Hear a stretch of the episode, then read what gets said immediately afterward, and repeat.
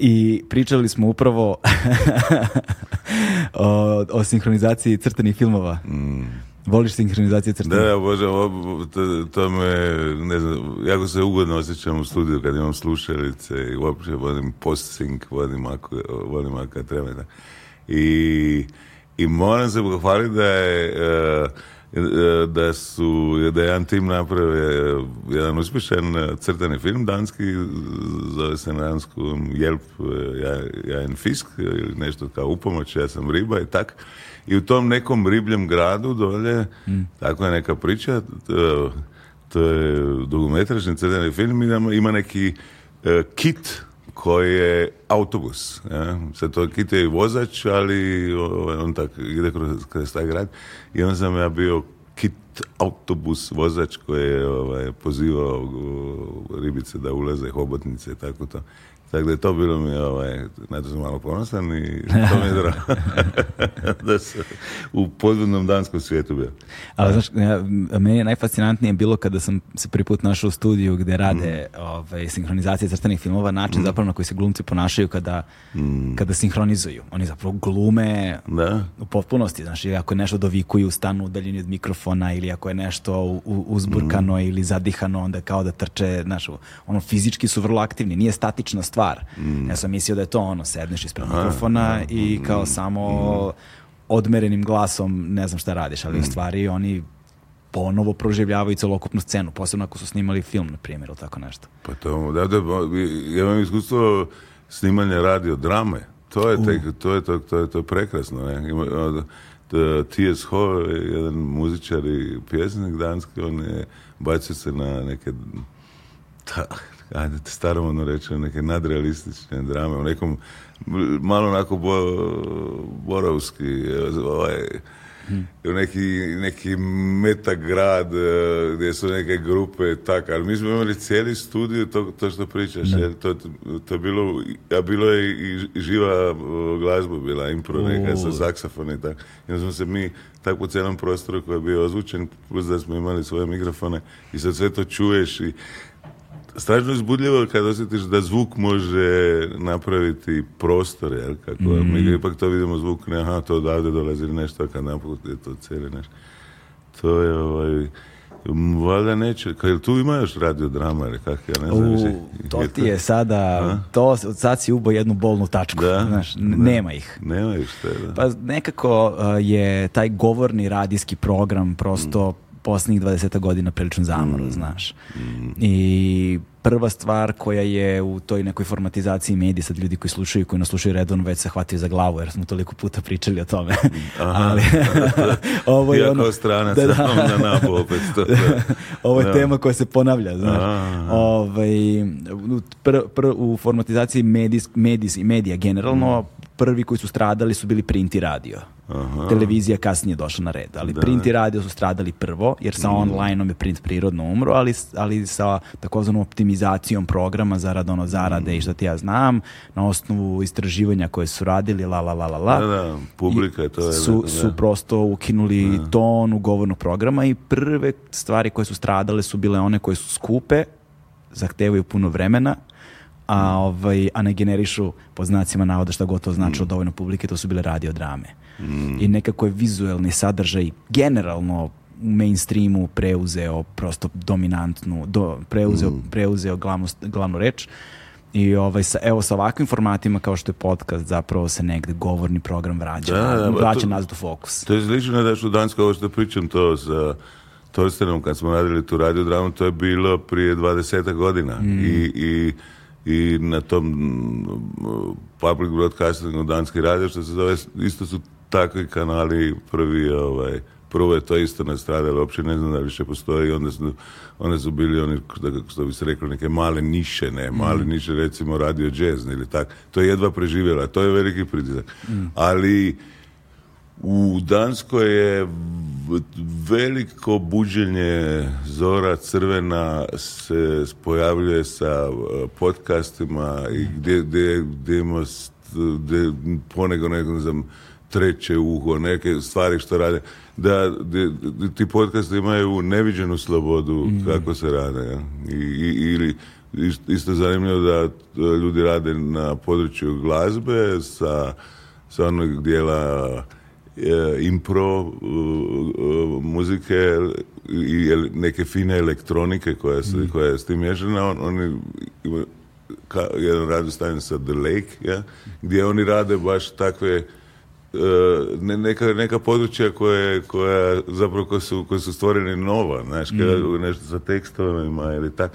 Ali to je što, da, taj The Lake radi, znači on, on radi to, te programe uživo, i onda dođe ljudi, do, dođe recimo kao, ovaj, šta znam, 500-600 ljudi u nekom prostoru smo, eh, obično neki galerijski prostor, oni imaju tu opremu i tak, i sad recimo sjećam se neko veće, jedna je curara eh, šveđanka je živjela dugo u, u Buenos Airesu i sad je to njoj bilo strašno zanimljivo da postoji ta, taksi još uvijek e, nije ono nešto digitalno, nego taksi ono, ono viknu adresu, ono Cezara Bolebore, ona ovaj kaže, ja sam tu, se, sve to čuje na radio, je to rano, i sad ono, ding, ling, ling, ling, a ding, to, e, e, ono, bukate, plus vožnja, to je ona snimala vožnji, i onda je na to, to stavila u neku konstrukciju, recimo, elektronske glazbe i tako. I, to, mm. i sad to mi slušamo. Sad sljedeća jedna Njemica koja je ronila e, negdje kod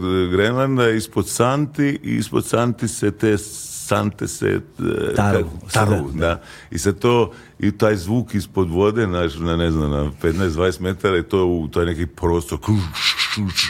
I ona je sad imala još jedan, neke preparirane instrumente na sceni i sad ti zvukovi su išli i to je sve išlo u program, ali to je tako bilo, to, to, vjerujem da, ja vjerujem jako u, u radio takve stvari, da, da, to stvar, u stvari će, ovaj, procvasti nekako. ja, tehnološki, da, tehnološki se nekako pokazalo ne. da nijedna tehnologija zapravo ne umire. Da. Znači, kada su bile kasete ovaj, i kad se pojavio CD, svi su mislili kasete će umreti, ali su ostali ipak žive. Mm. Kada se, odnosno, kada su se pojavile, ono, za ploče smo također mislili da će umreti, ali mm. evo, ploče su ostale žive. Kada su se pojavili digitalni formati, mislili smo da će svi nosači zvuka generalno umreti, ali evo, i mm. dalje su negde živi. Nisu više primarni, mm. ali ostaje nekakva niša. I tako kada smo ubili radijski program, mislili smo da je s tim gotovo, da je mm. sadržaj postao vizualan, ali smo negdje čini mi se zaboravili snagu zvuka zapravo i mm. kreiranje zvučne slike i audio mm. dokumentarizma mm. i baš to što govoriš i način na koji se senzacije kreiraju upravo kroz zvuk i meni, ja kažem, nama, nama se neće to podcast tržište razviti u potpunosti dok ne budemo imali te prave, ono, kao što su radio drame, scenarije mm. i tu kombinaciju reportažnog, mm. dokumentarnog i, i, scenarističkog, gde negde, mm. se uzmu i autentični, ono, snimci, jel te to, celokupnog ambijenta, atmosfere, sa drug, negde i glumcima koji će da čitaju neki tekst i da se sve to kombinuje zajedno. Da, da, pa ti, ti veliki ja znam da je u Zagrebu preživjelo to. Znam mm. neki prije, moj prijatelj Dame Barto Lindošek, on se bavi recimo nekim e, teatrom muzičkim, mm. on to, to zove tako House of the Extreme Music, neki teatr. To je House of the Extreme Music. da, tako se zove. ovaj, on pravi objekte, jel, i, ali on je prvenstveno performerno dolaze kao iz teatra, ne? Mhm. Ali i, ti šaktofone sa nekim oprugama koji idu uz mikrofon i tom, tom, i to, to sve izgleda ovaj, jako dobro i moćno na sceni. Ali on je dobio ponudu, tako da sam čuo eh, zato, on je dobio ponudu od eh, trećeg programa Radio Zagreba mhm. i onda sam tako saznao da oni još dalje produciraju nešto što bi se rekao recimo zvalo radio drama ili tako ne, ovaj, gdje on, ali to hoću reći, to je sad, važno da kada on je ušao u, taj studio, sad je on na jedan put dobio ono, e, nešto što nikad nije ni došao blizu susrete e, mm. jednu super tehniku ljude koji imaju vremena koji da. su koji su koncentrirani koji to znaju i tak i to onda neki rad koji možda radiš van ili na rubu ovaj to jednostavno može dobro realizirati. Pa, pazi, ruku na srce, ovaj, ruku na srce nije ni kod nas u potpunosti umrlo. Pre bih rekao ne. zamrlo. Mm. Recimo Radio Beograd mm. koji je ono drugi program. Oni i dalje neguju negde tu vrstu sadržaja. Mm. Čuo sam da postoje neke radio da nam uhvatim tamo i tamo po mm. nešto, ali to jednostavno je toliko daleko od fokusa, toliko je mm. daleko od nečega što bismo mogli da nazovemo da, da je kao postoji nekakav trend, da postoji nekakva praksa, da postoji nekakva scena, nekako tržište. Ne baš. Mm. više su to izuzeci nekakvi, ali kažem, neguje se tamo, posebno što oni još uvijek imaju tu još i stare Jugoslavije tu staru analognu opremu koja sada zlata vredi. da, čuo sam neki čuveni studio elektronike da je u Beogradu. ima, ima, ima, ima, ima. I taj se studio šest je sjajan mm, isto. I tu se recimo pojavljuju neki izuzetni bendovi mm. projekti koji mogu da se čuju, koji prave sjajnu muziku i počeli su da oživljavaju malo tu praksu, mm. da dovode live i te bendove u takvim jednim A je, je oni su kao institucija otvorene recimo da, da, jest, neki imaš projekt bend, možeš ući u tamo. Ne znam koliko koliko i na koji način, ali sam ja lično prisustvovao nekoliko fascinantnih koncerata baš u tim, pro, tim studijima, da. I ima ih online da se pogledaju neki, mm. nešto što stvarno sjajno zvuči, mhm. poput recimo benda Tapan, na primjer, ili tako mhm. nešto, eto koga zanima, neka klikne, nek pogleda, sjajno, odnosno posluša. Da, da. Ovaj, Evo nas u Sarajevu. Da. Ovaj, i, na Sarajevo Film Festivalu. I ti si ovde, imaš dva osnovna zadatka, jel tako? jedan film i jednu seriju, jel te? Serija Šutnja ovaj, Tišina ili Silence mhm. ovaj, i film koji je dobio Zlatnu palmu u Kanu ove godine u pitanju je Troga od tuge mhm. ovaj, Rubenov film koji je zaista ne znam, ovaj, nažalost ljudi ga verotno još, uvijek nisu pogledali ovde mi smo ga gledali sad na otvaranju festivala i remek dela remek delo. Ti si... Drago mi je da ti sviđa. ti si, kako kaže, uh, najbolji, na, najbolji punchline ovaj, do, cel, cel, celog festivala za sada. Uh, American socialist and Russian capitalist. I aj se shit, ja. to je. Ješ, ama, kako kaže, Woody Harrelson kada pokušao da izgovori, ama shit shit socialist. shit, shit o, ali sad mi prepričavamo nešto ljudima što ne znaju. Hoćeš ti da kažeš o čemu se radi? Pa, da, to je, to je veliki film eh, Rubenov, on je to, to je njegov E, Ruben je pravio sjajne stvari u Švedskoj, ne znam, od njegovih kratkih filmova do play, recimo, ako volim e, e, Force Major i Square i tako ne. Ali to je, to ipak to je bilo unutar jednog jezika i, i švedskog filma i tako i sad je on sa ovim filmom is, isko, iskoračio u taj neki veliki prostor uh, Eh, koji je dominantan jer koji se zove ovaj, englesko, englesko govorno područje dominirano američkom filmu i tako dalje. I sad, on, on, taj film eh, eh, on je u tom, u tom nizu ili u tom što, što Rubena zanima, kako mi kao ljudska bića reagiramo u određenim socijalnim situacijama i tako, sad to su te igre oko toga. E, sa dosta veselja i humora koje on ima i ovaj e, i e, on je u, se, u tom filmu se dotakao ili osnovna je bila polazišna ideja je bila da prikaže sliku E, svijeta mode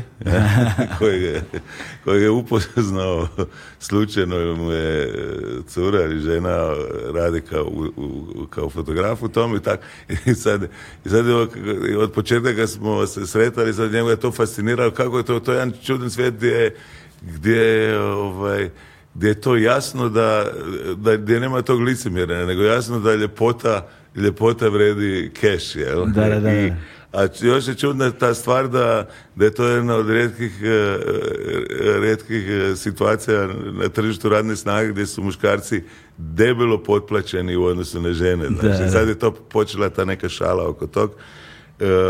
I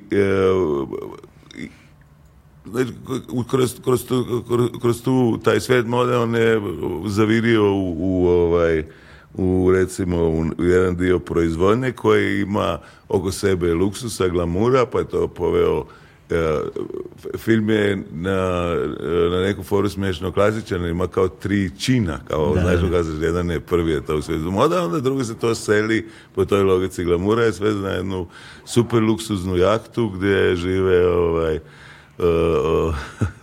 gdje žive ovi koji, koji imaju E, opasan su višak e, novaca i, zajedno sa ljudima koji obslužuju da dobiju taj triljem. Ali u jednom trenu se sve to, sve to promjeni, jer e, ta jahta ode među ribice na dno i sad na jedan put na jednom otoku treba stvoriti nekakvu strukturu da bi ljudi preživjeli. Onda se to pokaže da ta da ta nova struktura će biti e, napravljena po nekoj drugačiji logici nego, mhm. nego kako je e, kako je grupa funkcionirana na jahti. Tak. To su te igre oko tog e, gdje je pa gdje je svašta ima u tom filmu, pa ga preporučujem da ga ljudi vide u kinu, jer je, pompozan i tako. Ono ne, baš je za bioskop. Da, da, baš je za bioskopsko Da, da, to, to je Ima malo šarma od ono, znaš, ono, u početku 60 kad smo išli gledati ono, kad je lupi mm. otok neki Steve Reevesa i ne znam, talijanskoj produkcije, tak, nešto ima od tog Ali funkcioniše na jednoj vrlo finoj liniji, ono, ono što, se meni dopada zapravo jeste, s jedne strane, uhvatio je savršeno ono, zeitgeist, nekakav duh vremena, mm. ono, od modernih tehnologija tehnologija, preko dinamike društvenih odnosa i partnerskih odnosa i, te dinamike odnosa prevashodno nekom strahovito privilegovanom društvu, sloju mhm. društva. Da li su privilegovani kroz genetske onasleđe, ono, rođenjem kao prelepi ljudi ili su prosto privilegovani svojim ono, socijalnim i financijskim statusom u društvu i onda ta dinamika njihovih odnosa, načina koji, koji, koji njih kontroliše sa tom jednom jako, jas, jakom dozom humora koja opet negde funkcioniše na jednom patinom neprijatnosti sve vreme. Znači, ti mhm. sve vreme dok ih mhm. posmatraš posebno tim krupnim kadrovima, malo ti je smešno, malo ti je neprijatno, da. znaš, malo pa ja osjećaš nelagodnost jednu. Da, da, da, to fino si to rekao, da, ja mislim da u, u njegovim filmovima puno ima tog da ti je neugodno. Da, znači, da. ja, ja ima danska reč koja je pinli nešto, je, uh, ono to je to, znači tako. Isto kad Square gledaš, ona, ona, da, da. ona, ona je svijet umjetnosti, to je onako, znaš, i to i to nije onako, nije onako gruba kritika na, on, nas malo uvuče da, da mm. nam pokaže da je to, mi isto pripadamo tome, jel? Mm. Mi, isto to nekako bi bili, a onda naput nas vrati pa nam ne, da. I onda kroz tu neugodnost zapravo identifikujemo, jer možemo da mm. prepoznamo i mm. sebe u brojnim situacijama kao što su te. Ali, onda, ali u krupnim kadrovima, kao na primjer na početku, a sada ne, ne spojlujemo ljudima previše, ali eto na početku gdje se otvara film kada se manekeni na onoj audiciji mm-hmm. nekoj pokazuje ipak te zapravo pominje troga tuge, mm, jel Da, da, banalnosti toga je ono bolite prosto mm. i onda kako jeftini brendovi, svi smo nasmejani, mm. skupi brendovi, ono gledamo iz gledamo dozgo na naše mušterije, mm. uvijek naš, si kao iznad i onda kako ih menja sve vrijeme i mm. kako ide krupan kadar, ti nekako što je krupni kadar dok oni to rade, tebi je sve neprijatnije i smešnije istovremeno i onda te, te dve emocije zajedno stoje nekako istovremeno. Mm. Ovaj, a, ali ima i sleptika jako puno tu, mislim, Mm, misliš Pa u smislu, pa u smislu recimo imamo ne znam 10 minutnu scenu povraćanja. to da, da, da. gde svi, samo povraćaju, da, povraćaju, povraćaju, brod se ljulja i oni povraćaju dok jedu fine dining. Da, ovaj, I dinamika tvog odnosa sa, sa Woodyjem Harlesonom koji i glumi kapetana broda je isto zanim, zanimljivo. Mm. Kako to izgledalo na, na setu?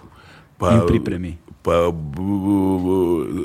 Ajde samo da kažemo ljudima, ti si u filmu Uh, kako se zoveš, Juri, ne? Dimitri. Dimitri, Dimitri, da, Dimitri, da, Dimitri da. ruski milijarder. Da to si da, ti. Da, da, da, Ove, da, ovaj, tajkun neki, da. Tajkunčina, da, da, da koji prodaje šta prodaje. pa ja prodajem govna, ne, to je, to je, to je, Dimitri je bio toliko ovaj, dobar klikeraš da je shvatio 91. ili negdje tamo u to vrijeme da je, da je, da je to tržište džubriva e, i gnojima, da je to ovaj, veliki potencijal i to. Uh, e, da, sad on je bogat, ali mislim taj odnos između, znaš, kapitana, da to, je bilo, to je raslo nekako. Nije, nije, mislim, ono, i to kako s Rubinom su radili ono, njegov susret, ja sam, to nije, kasning e, je bio neobičajan, znači nije, nije, nije za to bilo, aha, sad ću nešto glumit pa je dobro, nego to, to je, prvi put kad sam išao na kaznicu, ja sam mislio da kazn nešto, nešto kaster, sad će nešto, ima, dobio, dobio sam hrpetinu teksta marksističkih neoliberalističkih, šta znam, to sam sam gledali, sad, sad, ali bio je, e, Ruben je bio tamo od početka, to, to, to je nam put postalo tako jedno druženje gdje smo pričali o, o, o pravili smo štosove na, na socijalne situacije, znači, tak mm. na, na to je improvizirali malo oko tih likova, ne, i to, to njemu, je taj, ta, njemu je situacija bila jasna da, da će, da, da, da, bude taj neki brod u kojem e, kapetan je zapaljen e, za te, ono, hardcore ljevičarsku frazeologiju i sad neki e, bogataš iz istočne Europe, da nije baš sad ni važno tamo da je on Rusi, mm. tak, i, ovaj, i, i, to je u početku bilo e, on je vidio komiku, komiku u tom da, da, u ta dva lika u njihovom suprotstavljanju i, i komičnosti i absurdnosti e, te njihove pozicije na brodu, jel, to je tamo sve. Ali e, kad smo, to smo snimali u Švedskoj, u Trollhedenu, pa je bilo problema sa covidom i tako da je Vudi kasno i sve kad je došao, kad je došao da smo mi imali e, par dana gdje, smo improvizirali Vudi e, ja i Ruben e, zajedno. Tako da osjetimo malo kako to mm. ide. Ne? I kad smo došli na set, mi smo imali neku strukturu i te te neke rečenice koje su nam bi, koje, koje smo upotrebljavali, jer smo se još mi pripremili pa smo još došli u, sa više tih stvari takne. I on, ali smo uh, uh negdje smo otplovili gdje, nas, je ta neka improvizacija oko tog teksta odvela. Tako da smo to promijenili malo, kako ja to vidim na kraju, uh, E, tu nastane neki ovaj, odnos između njih, jel, gdje ovaj, kapetan jedan put vidi neku e, fascinantnu iskrenost e, kod, kod ovaj, Dimitrija i tak i, i to je i tak da je to, to je bio Ruben, Rubena se nego podržava u tom da tako da smo mi, da mi napravili onako šire okrugle likove, okrugle likove e, više nego kak je bilo u, po, polazišnoj ideji. Da, ne, je ta pozicija. Prvo, prvo absurdnost situacije da vi vodite uopšte te razgovore i te ideološke teme na jednom takvom mjestu kao što je ono multimilijarderska luksuzna jahta gdje su svi teški minimum milijardu ono, u džepu imaju. Ovaj, a druga strana je što je Woody Harrelson tu uh, e, zapadnjak, socijalista, a ti si ovaj, Rus kapitalista, znaš. I onda, i, onda, I onda te dve pozicije i kao sedite na, za stolom i čitate citate s telefona da stvar bude najbanalnija moguća. Pa to je u sve u duhu vremena. Koliko je zapravo improvizacije tu bilo?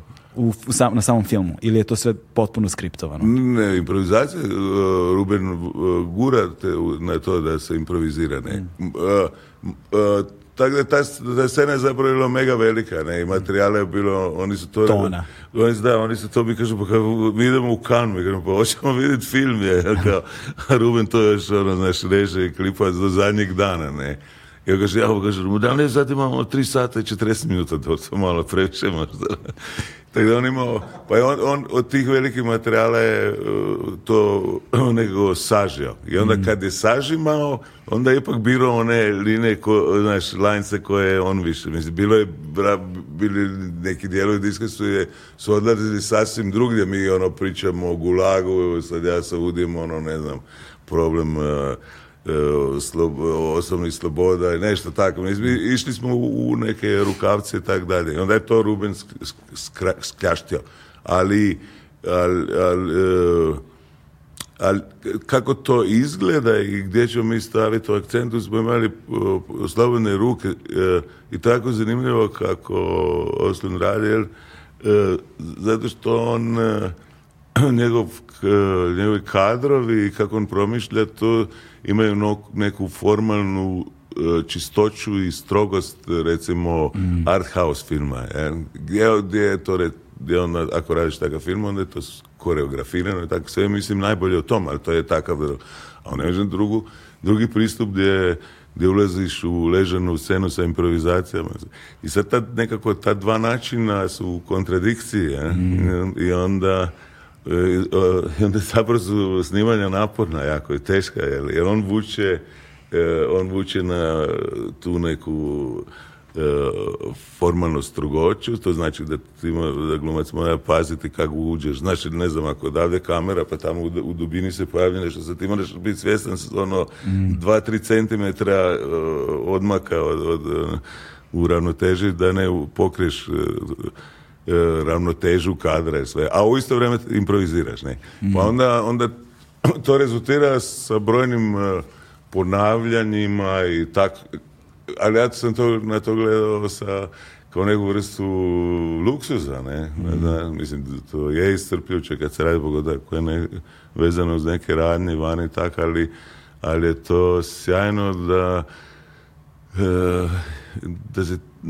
i taj osjećaj da, da ti zajedno radi e, ne samo lik nego da uistinu stvaraš tu, mm. tu, tu vizualnu i zvučnu strukturu neku ili neki kadar zajedno ne, znaš, sa nekim pogledima. Da, ali je... koliko ste dugo snimali?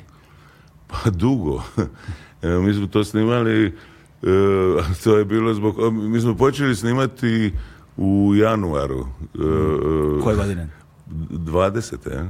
Na početku samo. Da, i mi smo počeli i, prvi, nakon e, prva dva tjedna je počela epidemija i e, to smo snimali u Švedskoj. U Švedskoj ima e, jedan grad koji se zove Trollhättan, a u tom gradiću, zato kako je na nekom toku vodenom sa padom, pa je u stara vremena već bilo nekih prvom linova pa nekih željezara koji su koristili vodenu energiju, pa onda do, došli parni stroj pa su tamo lokomotive pravili, pa, su, pa je SAP došao, pa je pa su pravili. SAP. Šta pa, je, SAP više ne, ne, ne postoji? Ne. ne da.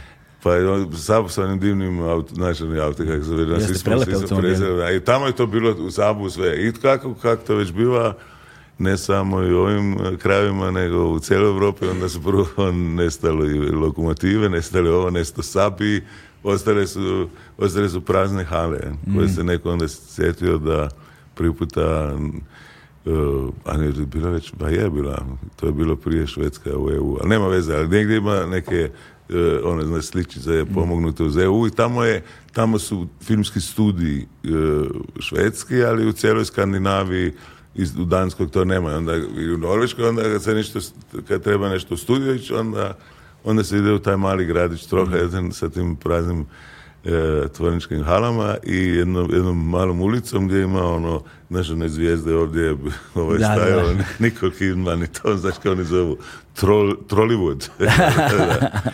I tamo smo mi počeli to snimanje, zato što je trebalo E, pa ti si vidio film pa znaš o čem ti priča. Znači, to na jahti se dobar dio događa i najuzbudljiviji se događa u interijeru te jahte. Da, I sad u, u bio izgrađen taj cijeli brod vrlo, vrlo zanimljivo. Znači, bilo je sa svim tim salonom, sa onim komandnim mostom, kapitalna e, kutija, oni hodnici, to sve.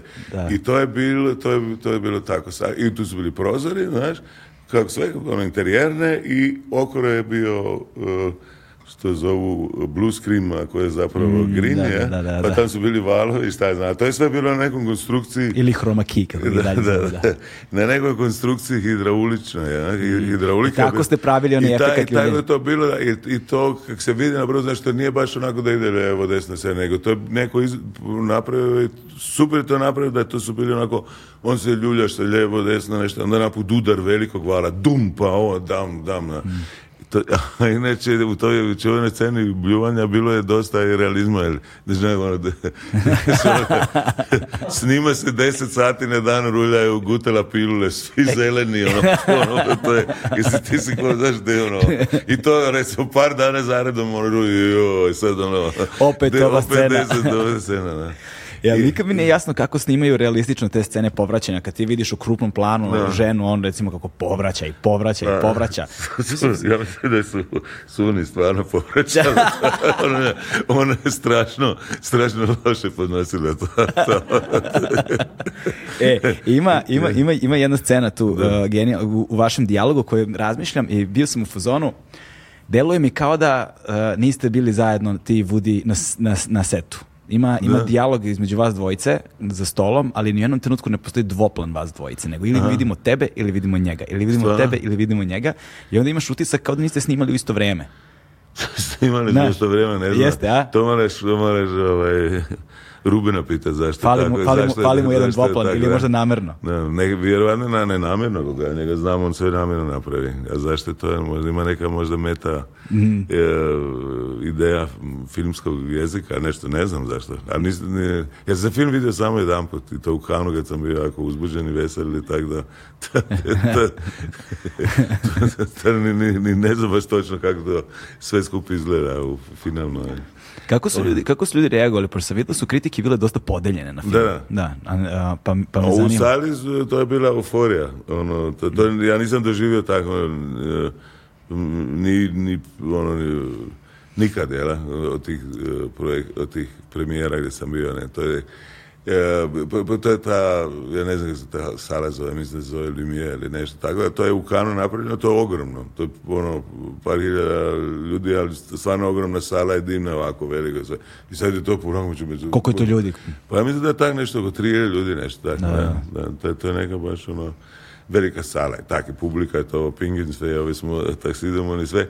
I to je onda malo, ne, i znaš što to se zance, mi smo sad isto, ovo, kan, taksido, i, i ja sam očekivao da, da, rezerviraniju publiku, znaš, mm. ili ovaj, tako je. Mislim, u evropska filmska publika je malo rezerviranija, mi uvijek imamo to nešto umjetnosti, to mislim, nije mm. filmnije ovaj, e, zabave. Tako, mislim, tu ima i dobri i loši stvari, ali, ali tako je, tako je u Europi malo uvijek dođe, ono zna to. Da. I, ovaj, tak, i, kako mi, onda smo mi to, svi glumci, mi smo prvi, to prvi put gledali, ne? I onda to počelo, to je stvarno bilo smiješno, ne?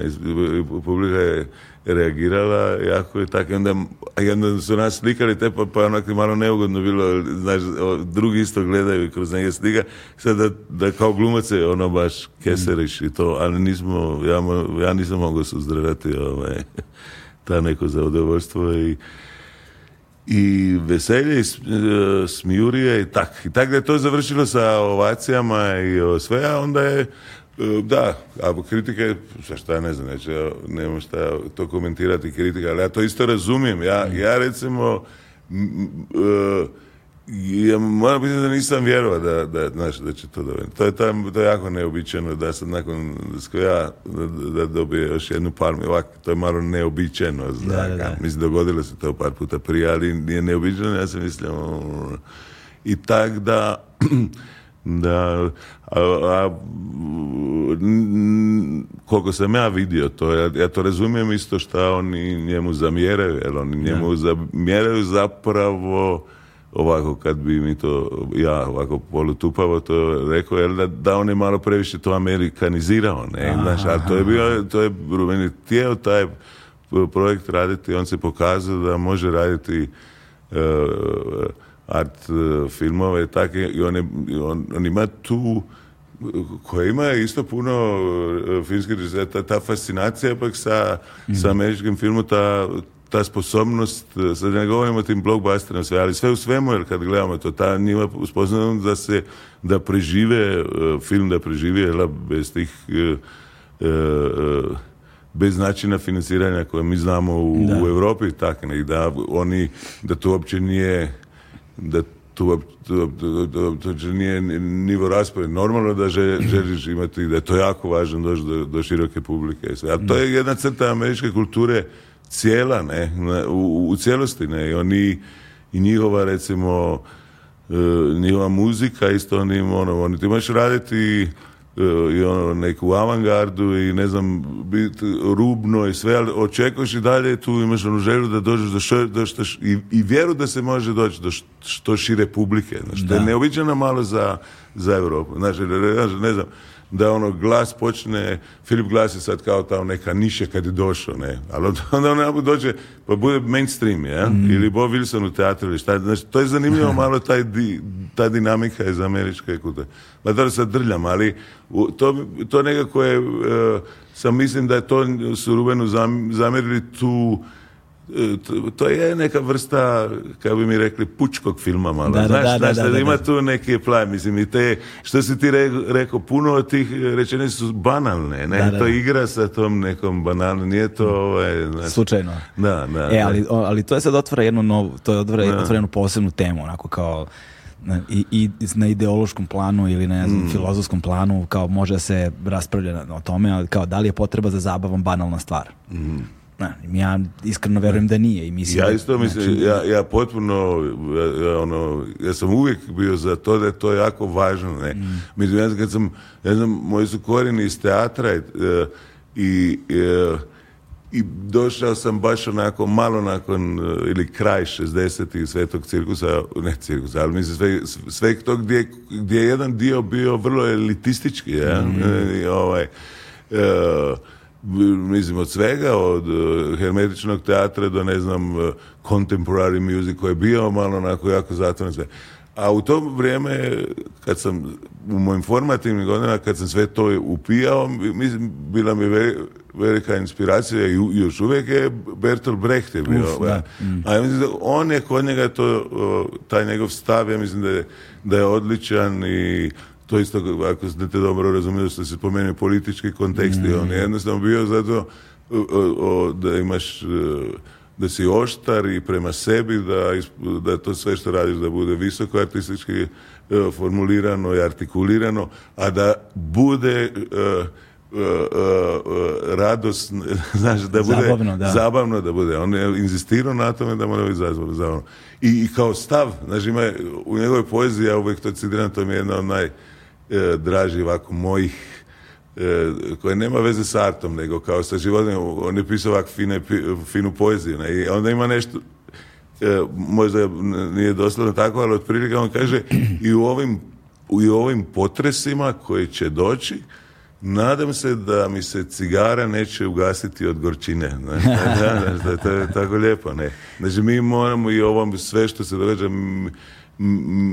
znači, ti možeš Eh, može biti kritičan i, razumijem koliko je to grubosti, koliko nesreće ovaj, ovaj sustav u kojem mi živimo, ekonomski i politički, kako to sve strašno, koliko to proizvodi toliko jednu ogromnu količinu eh, tuge da jednostavno ti dođe da lupiš glavom one da... A ako se želimo boriti sad mi moramo mi moramo to eh, u toj borbi biti vedri, znaš, šta ja to tako vidim, ali to je ovaj E, banalizirano rečeno, ali o tom znači. To, tu, tu se sa Rubeno jako dobro našao. Ne ovako nešto kao glumci, reditelj. Mi smo baš pričali tako, svašta kad smo se sreli, ne.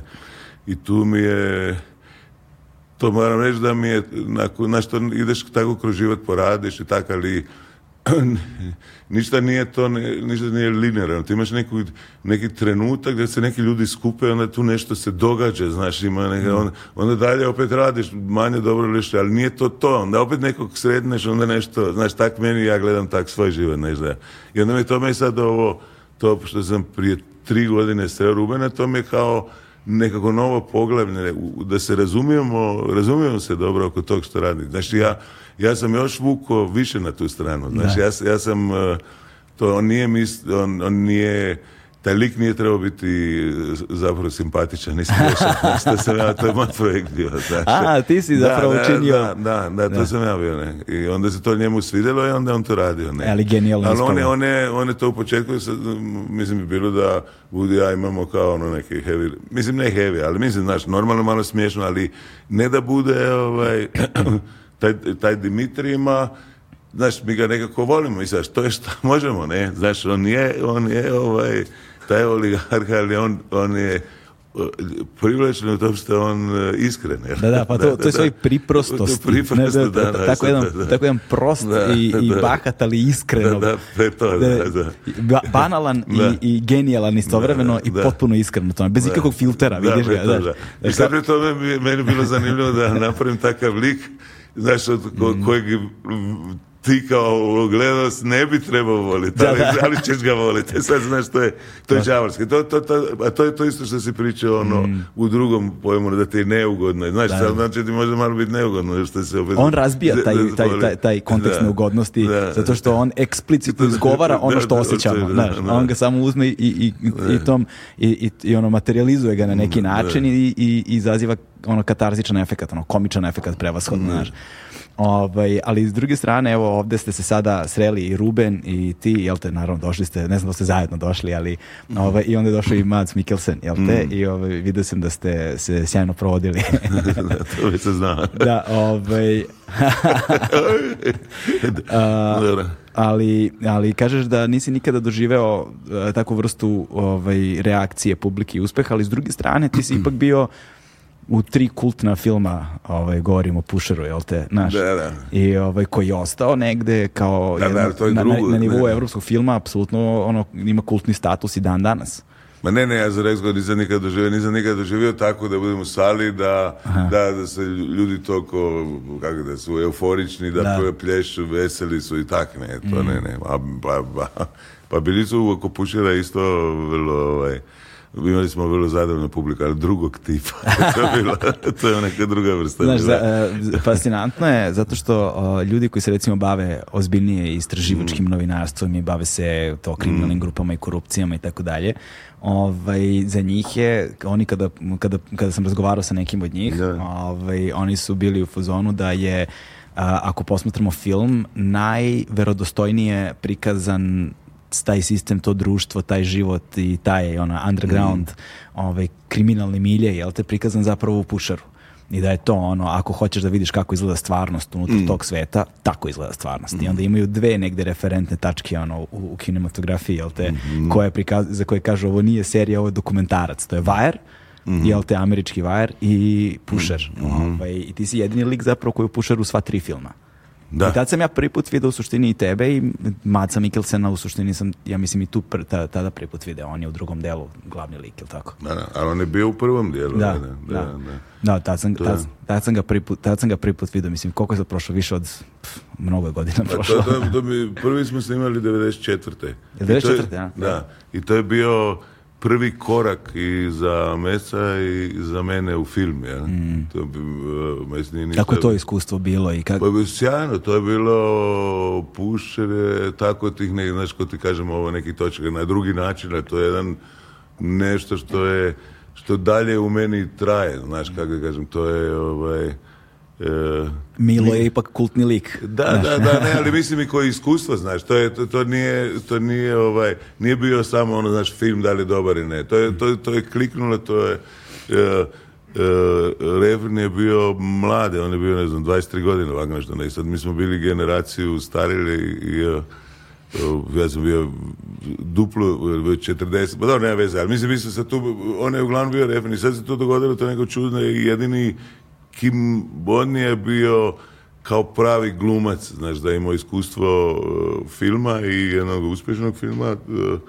Noćnog čuvara, a ovaj, mi smo ušli unutra, dosta, dosta je... Uh, e, ti ljudi koji igraju su iz tog stvarnog svijeta bili, ne, koje je nekako fino uključio u to, ali to što se dogodilo između Refena, Jana, mi njega zovemo i, i Kima i Mesa i mene koji smo bili kao ta neka gruba, to je bilo neki taj osjećaj da e, znaš, ako si svirao kad u bendu, znaš, da, mhm. onda to, ne znam, to ti možeš mhm. ono što sviraš, sviraš, ali kad se dogodi neki trenutak, a mi smo sad bend, znaš, to je, ne možeš to racionalizirati zbog čega, znaš, i nije nužno da, da eh, da isto, da ste sličnih stavova, čak i recimo ako se kao band možete imati drugačije muzičke, nešto tako ne znam. Mm. Ovaj, a to je taj osjećaj bio na da ono, da smo mi kao band, ja sam taj osjećaj imao. Znači da to neće prestati. Mi smo bili sigurno da ja nisam uopće razmišljao, meni nije do tada uopće film zanimao, znači nisam htio igrati film, to meni bilo nešto mainstream, da kakvi film je. Ali u tom trenutku to me, ono i mi smo mislili da, da da mi jednostavno nastavljamo samo raditi iz jednog filma idemo u drugi. Znaš? Mhm. I Reven je to isto tako mislio. On je rekao sad prvo ćemo napraviti jednu trilogiju. Znaš? Ali ne u smislu da bude pušer 1, 2, 3, nego nešto što je. Tako onda da smo, čim smo završili uh, pušera, mi smo odmah uletili u, novi film Blider, koji se mhm. zove Blider. Pa smo radili, to je bilo to. I to je još bio taj film koji smo radili kao grupa, ali onda, onda smo pukli, onda je Kimi, Reven su se ovaj, posvadili, ovaj, otišao, nešto tako. To kao bilo, je samo dve ploče smo kriza trećeg albuma. kriza trećeg albuma, da. o... Ovaj, ali znači vjerojatno e, e, e, ima filmska proizvodnja ipak ima neku drugačiju logiku, ali meni to još uvijek dalje žao, da to nije, mm. znači, to je bilo kao dalje, ne? onda, onda smo mi se vratili opet tak, ali mi imamo dalje tak neke mm. E, onako to nije uopće nije profesionalno znači nešto e, e, refn i prema refnu i mesa kad vidim, znaš, mi smo drugačiji, nismo mi filmski mm. kolege, ne, mi smo onako kao nešto bili skupa. Ove, ovaj, čuo sam sjajnu anegdotu, ne. sad nevezano za to potpuno, kada smo došli ovdje u Sarajevo, zapravo da su na festival došla dva maca Mikkelsena ovaj, jedini da. producent koji se zove Mads Mikkelsen i drugi je kao glumac Mads Mikkelsen i da su obojica bili na istom letu. ne, znači, ja nema... čekaj da ne mogu vjerovati. I da su to došli biz erom, jer su kao eco-friendly, ono, znači da, da, da su došli low costom, dva Madsa Mikkelsena na istom letu, da me zanima kako je izgledala ta situacija na aerodromu, to bih volao da, to bih volao sam prisustovao. Ne znam da li ste razgovarali o tome. Ne, ne, ne, čuli, ne, ne, ali znam, ali znamo ovaj detalj sa vizerom da to, to je, tako da, da, e, kako to, to smo saznali od menadžera, e, nisam, e. nisam znao kako oni zovu te je monkey flights.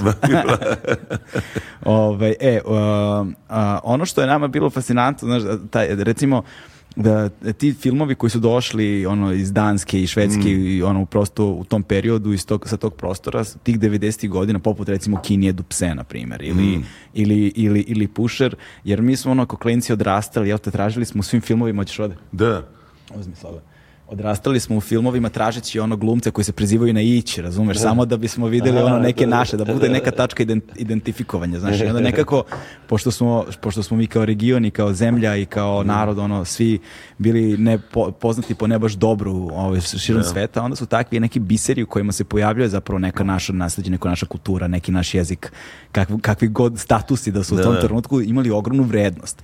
I onda, ja ne, onda mi nemamo recimo realnu sliku, eh, na, ne, ne znam koliko je Pusher zaista ima tu vrstu kultnog statusa širom Evrope ili u zemljama iz kojih dolazi u odnosu na ove ovde regioni, jer ovde je to potpuno... Ne, ima, ima, da.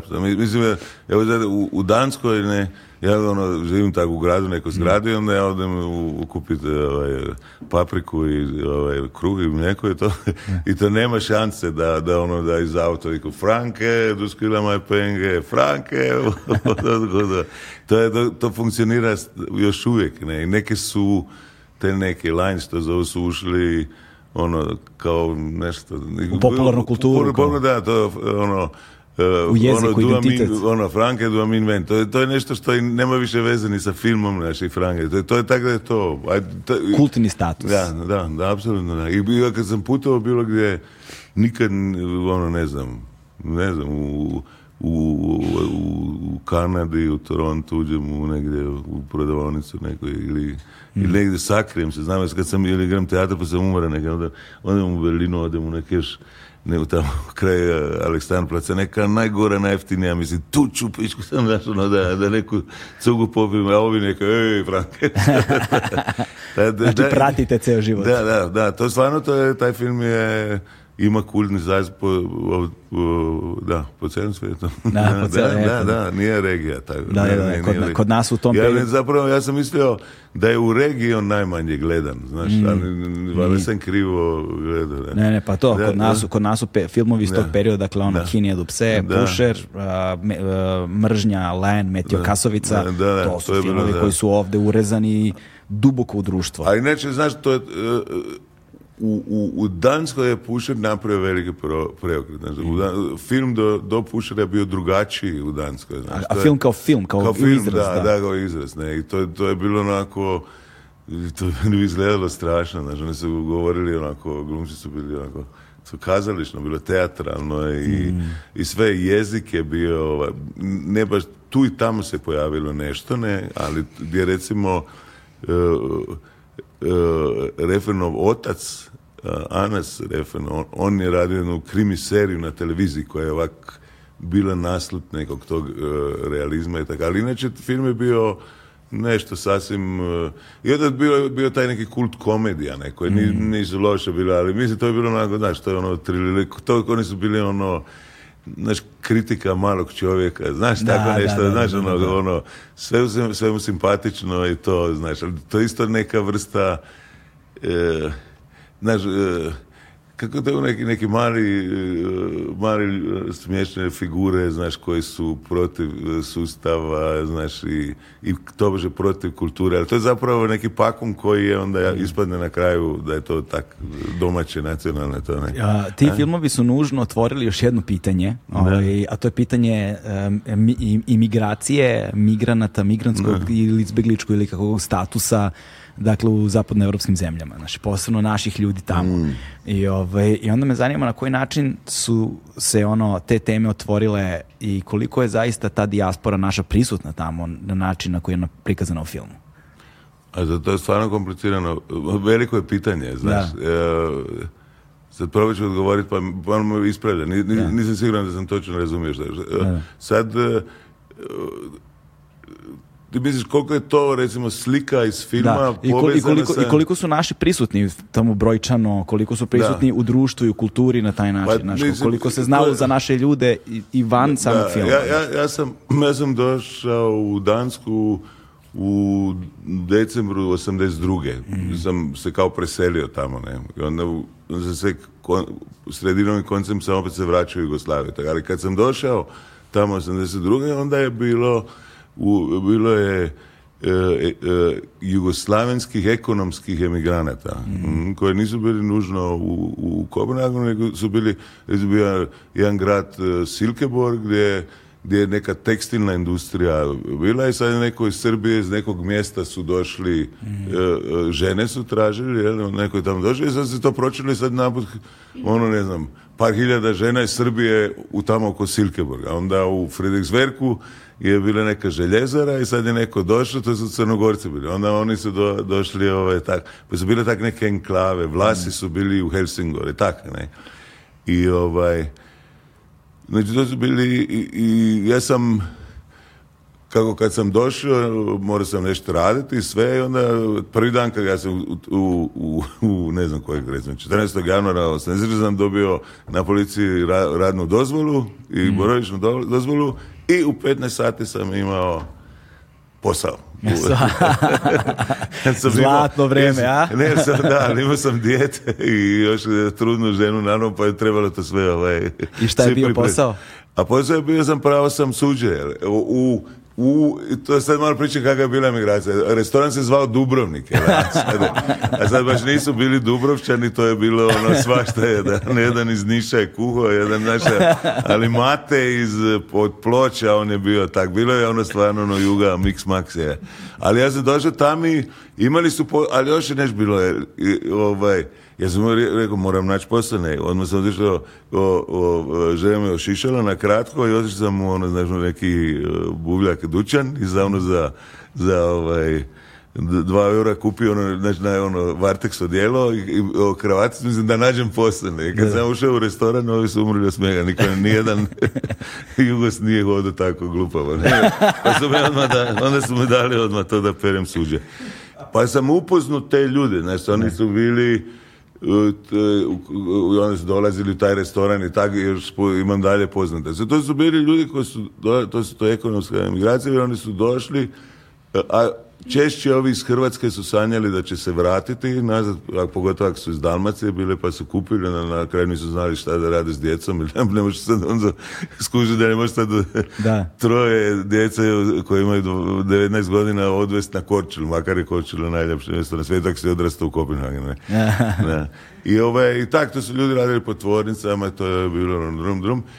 I e, onda se ja pred kraj 80-ih sam naravno došao, ne, pred krajem, ono 90 ali nema veze, ja sam im opirao. Ali onda, onda se dogodilo ključno, jer puče smo radili 94, da je da je e, početkom 90-ih mhm. e, velik, veliki velik, val ili šta sad da ne budem poetičan, ne znam kako kažem, e, izbjeglica, velik broj izbjeglica je došao u, u Dansku.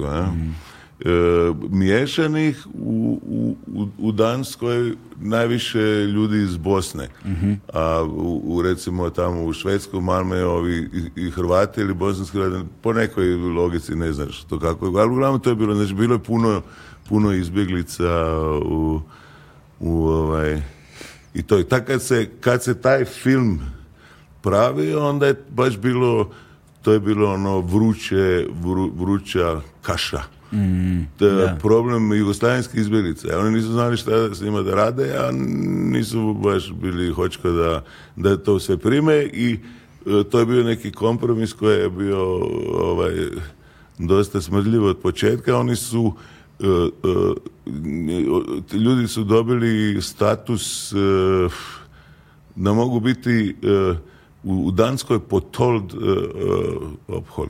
Mislim, to kao tolerirani nekako tolerirani ovaj, boravak, recimo, mhm. ne? E sad to, mislim, izgleda dobra kerat, pa ti budeš tamo, pa kad se smiri situacija u Jugoslaviji, će se raditi. A to je, sve je skupo izgledalo stravično, ne? mm Jer sad ti, recimo, si familija, sad imaš e, dvoje djece, jedno ima devet godina, jedno ima e, trinaest, ne?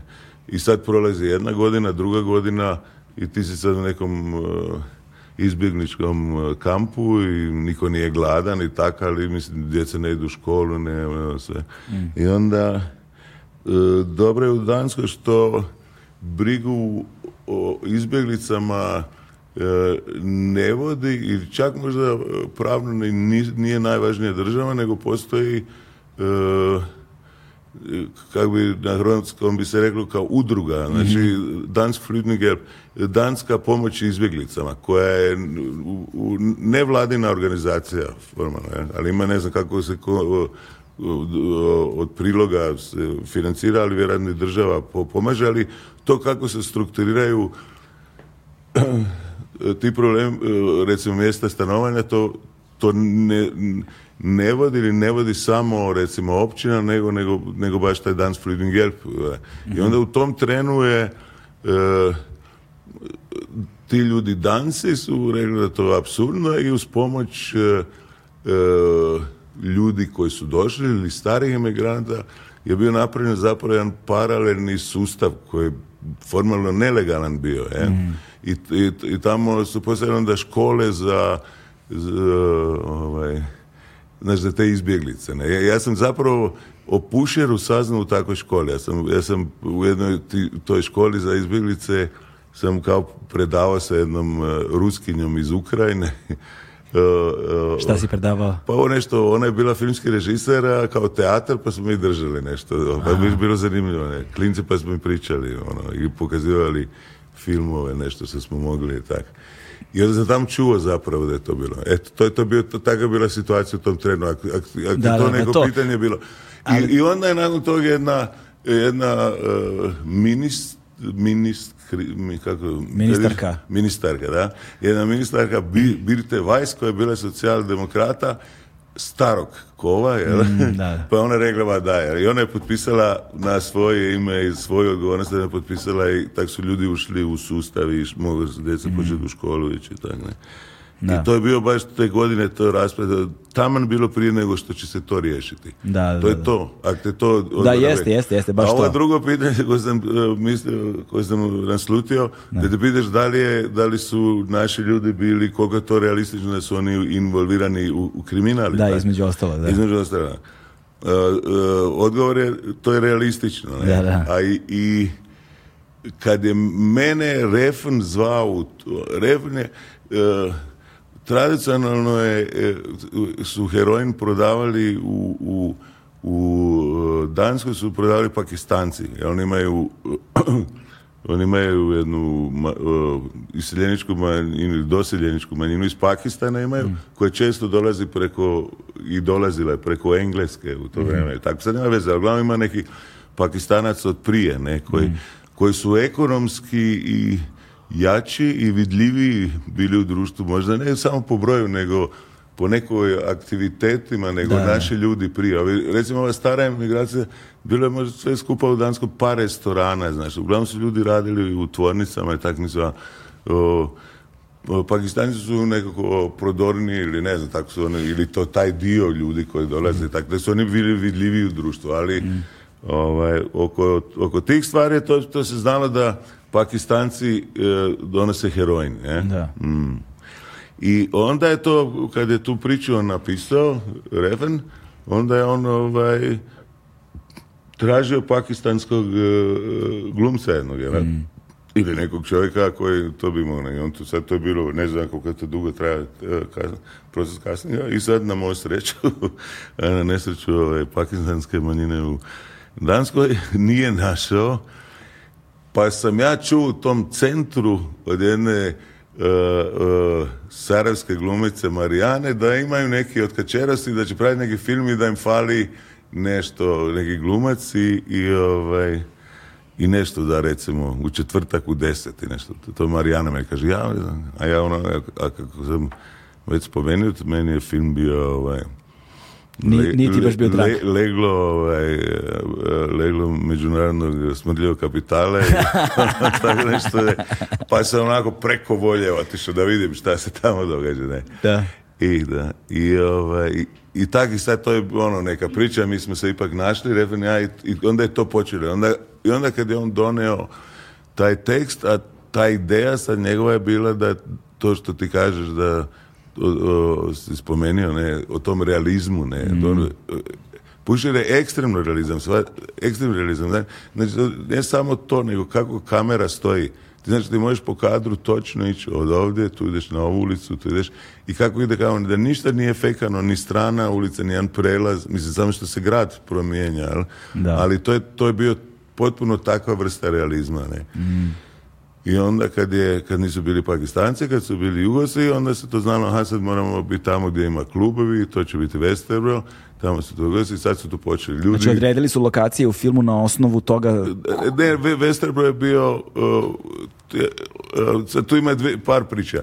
Uh, je radio posvete dijelovima grada, znaš. Mm. Onda, I to, on, ja mislim da je bio inspiriran ono, onim, znaš, uh, onaj trenutak kad je hollywoodski film, to nije dugo trajalo, ono par godina on izišao na ulicu, znaš, to je valjda bilo početak 70 ne. Sad mi pada na pamet, ono, panika u paklu droga, ne, ne, ono, needle pack, kak se to zvalo, ono? E, kako se taj film zove? Da, da, to. Započino. da. Mislim, to ti recimo, ti tako gledaš film i kažeš, a tako je izgledao grad, znaš. Da, da, e, U tom, u tim američkim filmu ti nikad ne, ne vidiš kak grad izgleda, jel? Tu mm. zato je to Vaja tako uspio. Da, ovaj, da, da, da, da, vidiš ono kako izgleda. Nego ono, to je sve nešto abstrakt bojagine, znaš. Da, ono, da, I to je bio taj to nije dugo trajao. Sad mi u tom filmu recimo, da, a, tu tako vidiš, a, tu je gosti, ona bila ovako.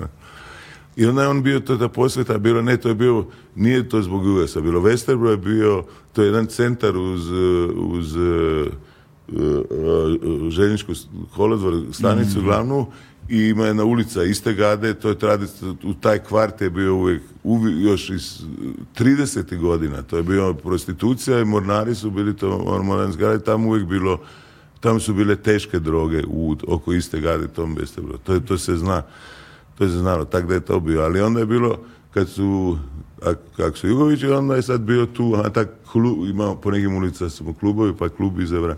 Taj cijeli klub koji se pojavljao, on jednostavno, e, oni su nabavili jedan stari klub, znaš, se zvali klube Veslavene, oni su preselili ga cijeloga, jer se taj um baš da. 94. raspo, znaš, i oni su preseljeni i tak ne. Ali ono je bilo, ili bilo slika u klubu, mislim, kad su oni ušli onda je bio Arkan ili šta li ne. Da, da, e, A ovaj, ali bio i, i, tit, i ovaj, ovaj scenografiku stavio, kaže, ne, ne može, pa kaže, bilo je klubova, da, bio ali bio je iza Šanka, je, ono, ne može, u isti tren ne ide. I ne mogu, ne mogu. Ne ono. može, ne, ne, oni malo tu su far. Kako se ideološka pozicija menja, tako se menjaju slike, da, da. Ali, ali, ovaj, znači, to je bio to sav realizam. Dobro, sad ja drljam, malo se me Nema veze. navuko, ali, ali, i onda kad smo mi počeli praviti filme, onda, onda smo mi to čitali, onda on mene to pitao kak je, e, kad sam to da sam rekao, to nije, e, to nije realno, tako mm. ne izgleda, e, e,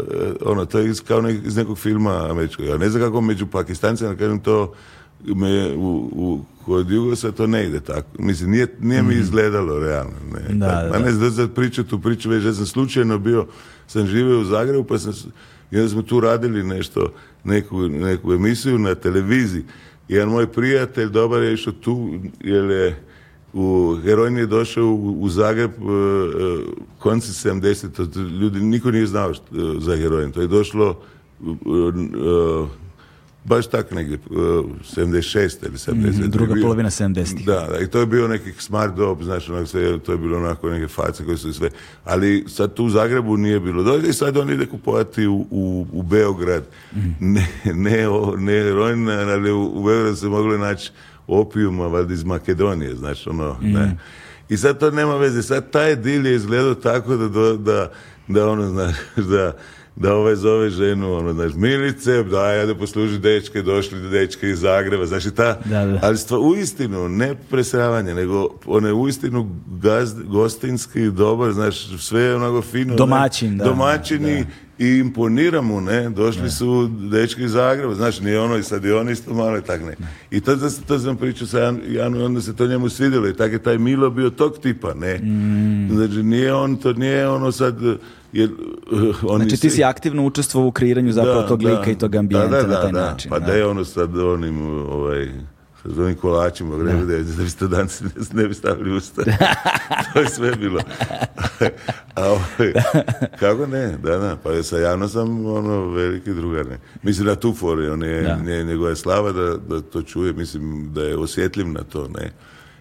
I, on je, zato što je odrasto u Americi u dobrim godinama, imao je kontakt sa punk muzikom i sve, on razumije u tom da, da, nije što da ti E, e, znaš da ti sad prikazuješ e, slatke strance u Danskoj koji su nadrljali ovaj, te, znaš, sve te mm. kršćansko socijalne priče, znaš, nego da ti prikažeš život kak je, znaš, i da i to je, mislim, mi smo tu prošli, mislim, to smo snimali, pojavljivali su se u filmu neki dijelovi te naše, ovaj, mm. kako bi se reklo, dijaspore, sve koji jesu, kriminalni, polukriminalni, to kako se pokaže, kako je prikazano, ali je podrška bila velika, znači to nema, odmah kao, treba kolačiti, ma ne, sam ću mi iz ono, zovu mi ono telefonom, evo, došli Milica, Katica, ispekli, ajmo vam dečki, znaš, da se, tak, e, ta, kako bi se rekla... Nešla se stvarnost, ono, Da, da, da, ali, ali mislim, e, podrška je bila velika, znači, u smislu, što je za mene bilo fascinantno. Ja ne, ne, ne, fascinantno, jer ja ipak dolazim i imam neki, kak bi se reklo, intelektualni background. Znači, meni to isto malo bilo čudno, sad jebate, znači, sad, ta, sad tu neki mi crnogorci, ovi, šta znam, e, sjećimo ovima klješta, kako će se to vidjeti ljudi iz te lokalne zajednice, ne. Da, to nema veze da li u smislu da mi ocrljane, ali ali... Ne, kao što nas prikazujete da, ovako. Da, da, da, ali, ali to što je uistinu manifestirano da su ljudi to shvatili da, da je ta e, kreacija nešto toliko vrijedno, znaš, mhm. da, da, to,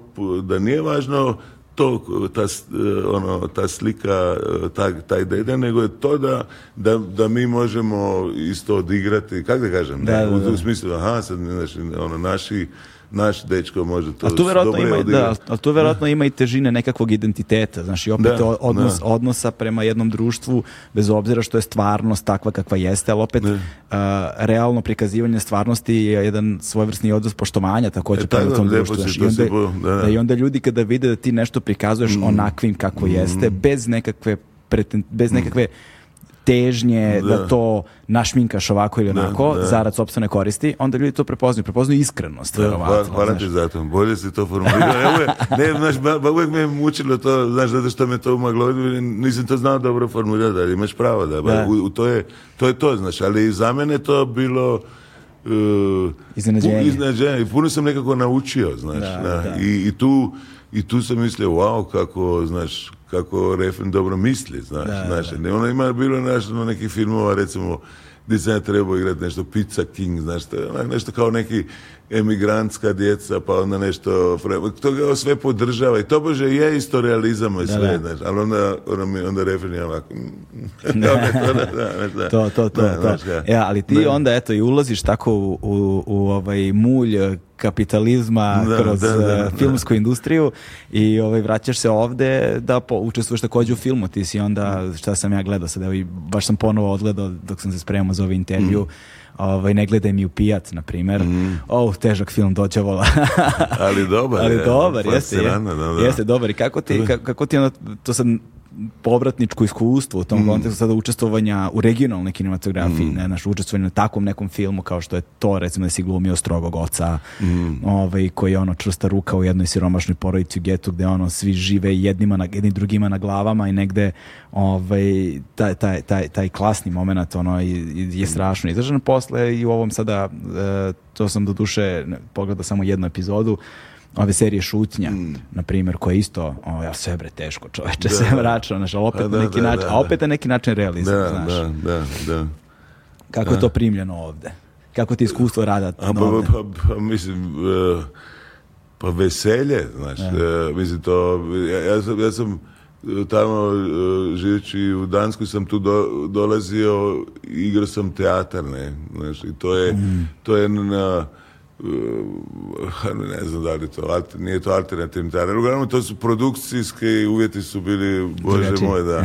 Ovaj, to, se sve događalo u, u, u, studijskom centru u Zagrebu oko teatra i zapravo u nečemu što se zvalo kultura promjene ovaj, e, e, u to vrijeme kad je Nataša Rajković tamo došla, u, neki život u tom tempu, to je opet taj SC e e, u bendovi su bili ovdje neki vrsta nova teatra i sve. A to je bila neka vrsta luksuza koju sam si mogao dozvoliti da ako tamo zaradim novce pa onda tu odem da to. Ali mi je to puno značilo zato što e, sam, sam vezan uz ovu kulturu i što sve to pratim sa velikim, mislim, osjećam, ja nikad nisam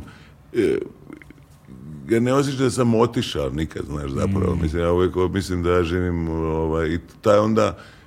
Uh, ne, radi se o turizmu da dolazim i sad eh, gledam, znam da je vi i da je ovaj slapovi krke su krasni, ne znam, reći, šta, ali eh, najveće što da, da uspijem... Da učestvuješ u kulturnom životu. Da, da. I mm. tu nisam, tu, sam na više strana sam ovaj, bio to u teatru, pa i oko E, recimo neke alternativne rock glazbe, klub Močvara, sad išao sam na Visku. Legendarna Močvara. Da, da, mislim, ja sam tamo baš bio nekako vezan s tim, sa Kornenom od početka, ja sam dio, recimo, i znaš što je, to je, makar su to puno mlađi ljudi, da.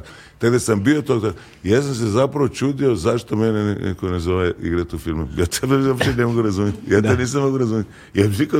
i onda svi kažu, wow, onda Polimac kaže, a, ovaj Zlatko upućao, pa to Zlata vrijedi, kad bi oni, pa pa šta kad je, uzmete telefon i zovete me, i nikome, i tako da je, da je to zahvaljujući e, e, Ankici, ja, e, i Kinorami i, ovaj, Zvonetu, tak da je to neka prve bilo, pa kažem, pa normalno, da sam došao igrat Kosa i onda opet e, e, s Ankicom u, u, sa Hanom Jušić i tako što mi je veliko bilo zadovoljstvo i, i Comic Sans mi je bio veliko zadovoljstvo, zato što to je bio sam vidio da mogu praviti e, baš tako ugodne mainstream filmove sa opet s nekom progresivnom porukom, jel ono, ipak malo volimo biti poštari, a da to bude u, ovaj, da bude picnuto nekako, znaš, nego ja malo se to, aha, to je nešto drugačije, aha, to mogu, znaš, bilo je uživanje i tako. I tako da, da, bi to puno, mislim, ja, ja, bi rado bi, bi u, ovom što se tu događa, ne. Mm. I to sam otvoren uvijek kad imam, ako imam vremena, to dolazim i eto to što sam do sad radio mi je bilo zadovoljstvo, za je bilo da Hanu upoznam, za je bilo da ne sa Nevim, da živim tamo na Visu, da radim taj film, šutnja mi je jer nju nisam vidio uopće još. Znaš. Da, eto, ja sam vidio jednu epizodu.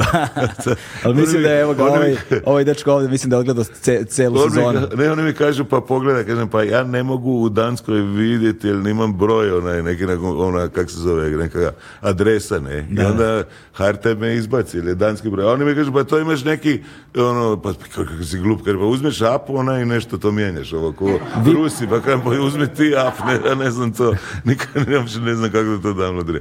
Tako da je. Ali mi je bilo zadovoljstvo radi, i to imaš puno meta priča, znaš, zato mm. što to kad dolaziš uh, u to kretanje u prostranju, to kad ti dođeš u znaš, tu imamo neku priču koja se događa u Osijeku, radi. Ja mm. sam tamo... A ti si iz Osijeka. Ja sam tamo iz Osijeka, ne. Ovo imam priču da je, da to dobar dio tog i da je zapravo građeno na E, e, na tekstu i knjizi Draga Hedla ili na njegovim e, tekstovima. Drago Hedla kad sam imao ne znam, kad sam ja 66, 67, ja stojim i gledam Hedla koji je se vratio iz Njurka i napisao neke prve, prvu neku ovaj, knjigicu priča Hemingwayski, ja sam ono, he, drago, jer on mi je bio, znaš, sad ću ja isto pišem, danas on cijeli život, počinje rat, sve taj rat koji se spominje, ono, to je bio rat gdje, su padali bombe, gdje su moji starci bili, znaš, to je sve, su slike jake. Hedel koji u tom e, ratnom i poratnom e, vremenu, ono, pravi ono fantastične e, publicistiku i, izdaje tako knjige i bori se toliko hrabro u ovaj E, za, za, za istinu i takne. I to, sad je to fascinantno, meni to sad, znači, to ima jednu drugu težinu, ovaj, mm. neka ima meta priča koje nisu samo da dođem igrati u, u seriji, ne, znači, tak, tak da, da je to, ovaj, e. to je to. Da, ovaj, ono što je najfascinantnije kod mene u vezi sa tobom i ovaj, to je ono što sam želeo da nam bude drugi deo razgovora, zapravo da, ga posjetimo nečemu ovome što si već nagovestio nekoliko puta da je dakle, tvoj background apsolutno nije filmski. Nekad mm. tvoj background je iz teatra, tvoj background je iz muzike i ovaj, volio bih sada malo da se posjetimo tome. Mhm. Um, kugla glumište. da, da. Hajde, da počnemo sad da nekako objasnimo ljudima posebno što, evo ja sam se skoro jel, tu poznavao sa time, a, ali tu ima neverovatno fascinantnih stvari i ono čitajući dok sam čitao otkrivao sam i neke potpuno sumanute rukavce u, u, u, u tom stvaralaštvu koji su, koji su, koji su zaista fascinantni. Um, ti zapravo dolaziš iz jednog strahovito progresivnog sveta glume, odnosno teatra, prevashodno, koji je nosio naziv a, Kugla glumište mm. i koji je postojao u periodu negdje od sredine 70-ih do početka 80-ih, nekih recimo 6-7 godina mm. otprilike i onda, i onda se to raspalo negdje, Mm mm-hmm. Tako. Tako je. Ovaj, a, a, I on je nastao kroz, uh, to je kako se to zvalo, studentski... Da, ali to baš nije ni važno. Da, da, nema veze, ali baš, me zanima, da, baš me zanima da ispričamo tu priču, celokupnu, tu, evoluciju zapravo, naš nečega što se zove kugla glumišta. Za početak, mm. uh, pre nego što se to dešava 75. godine, jel te, ko si ti u tom trenutku, gde si, šta radiš, šta mm. te interesuje? Mhm. Jer si ti zapravo imao neke pokušaje toga, naziralo se to nešto tamo još nekoliko godina pre. Pa da, da ja sam E, e, kad sam bio u gimnaziji u Osijeku, znaš, to je... Koji je to period? To je uh, 68. 70, 67. do 71. 72. Ono, da, okay, početak da. 72. E da, i onda smo mi tamo bili u i sad to su... Uh, te uistinu te 60 godine su bile turbulentne jako i tu se mhm. puno stvari otvaralo, ne znam, je bilo časopisa, novina i dakle, stari brat mi je bio u, u, Zagrebu na faksu pa je dolazio sa časopisima, Poled, neki pop ekspres, arsovski, neka psihodelija, svašta je tu bilo ono psihodelija. Frank Zappa se čuje, mislim sve, znaš, bilo je, bilo su to neke antene, rock glazba je bila, ja sam ja sam ono prohoda u grade eh, šezdeset 67. kad sam ono to onda si, bio u naselju i onda si se krenio 14 ono, godina i sad kreneš i sad to je bilo i to ljeto je izišao Jimi Hendrix Experience Silent Pepper's Lonely Hearts Club Dorsi znaš sve ono aj kaži šta nije ne ovaj oni, oni prvi Pink Floyd sa Sid da, i to je sve bilo to se sve dogodilo u ono znaš u jedan dve godine tak to je ono a, a kako je brat mi bio E, ovaj, kako rekao, jedan ovako svjetli, lik, 11 e, godina stari Mirko, on je, on dovlačio nešto što, što nije bilo primjereno meni, ali koje sam mogu, da recimo u, Beogradu je izlazio e, časopis rok, ali to nije ovaj rock, rock and roll, nego rock, znaš, kao u ovom roku, valjda tako. Aha, Prvi to su izgledala dva broja samo ovaj, E, prvi bio u, plavoj plastici, to je bilo nešto ovako, ono gulbine plavo, gdje, su, su bili tekstovi grupe Oho iz Ljubljane, znaš, Fluxus, e, e, ovaj, se tamo u prevodima ta neka grupa, recimo, mm. Beogradske novi to, to je sve stvarno bilo sve nešto uzbudilo jedna zbrka u, glavi koja je valjda bila dobra i u, to, u tom trenu je e, iz e, kazališta, pravo kazališta u Osijeku, Branko Mešek, jedan režiser koji je bio Gabrin učenik, on je otišao u Dom kulture i kao sad 60 ono nešto, znaš, sad on novo počinje, makar imao ono već prema 50. godina. Mhm. I, oni, su, on je tamo okruglu scenu, mini teatar prvi put kažu, ne znam, u Jugoslaviji, ali ne ali dobro. ko zna, provjerit će neko, Bila je okrugla scena sa svih strane, tu tekstovi izlazi na, puno se prevodilo i sve.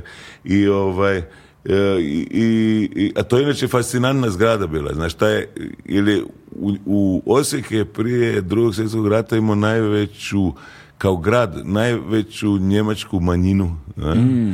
Ovo što je bila po Vojvodina, ovi dunavski švabe i sve. I sad kad je... Kak, kak švabe. Pa ne, tako se zovu. A nisi to ne. Ne, ne. Pa da, to se zove. To se zove. Znači, taj dio Vojvodine, to je bilo, to je bilo prazno, znaš. Kad, kad je Osmani se povukli, se to Austrija dobila. To su bile, to To su bile šume, ne, i tak sve.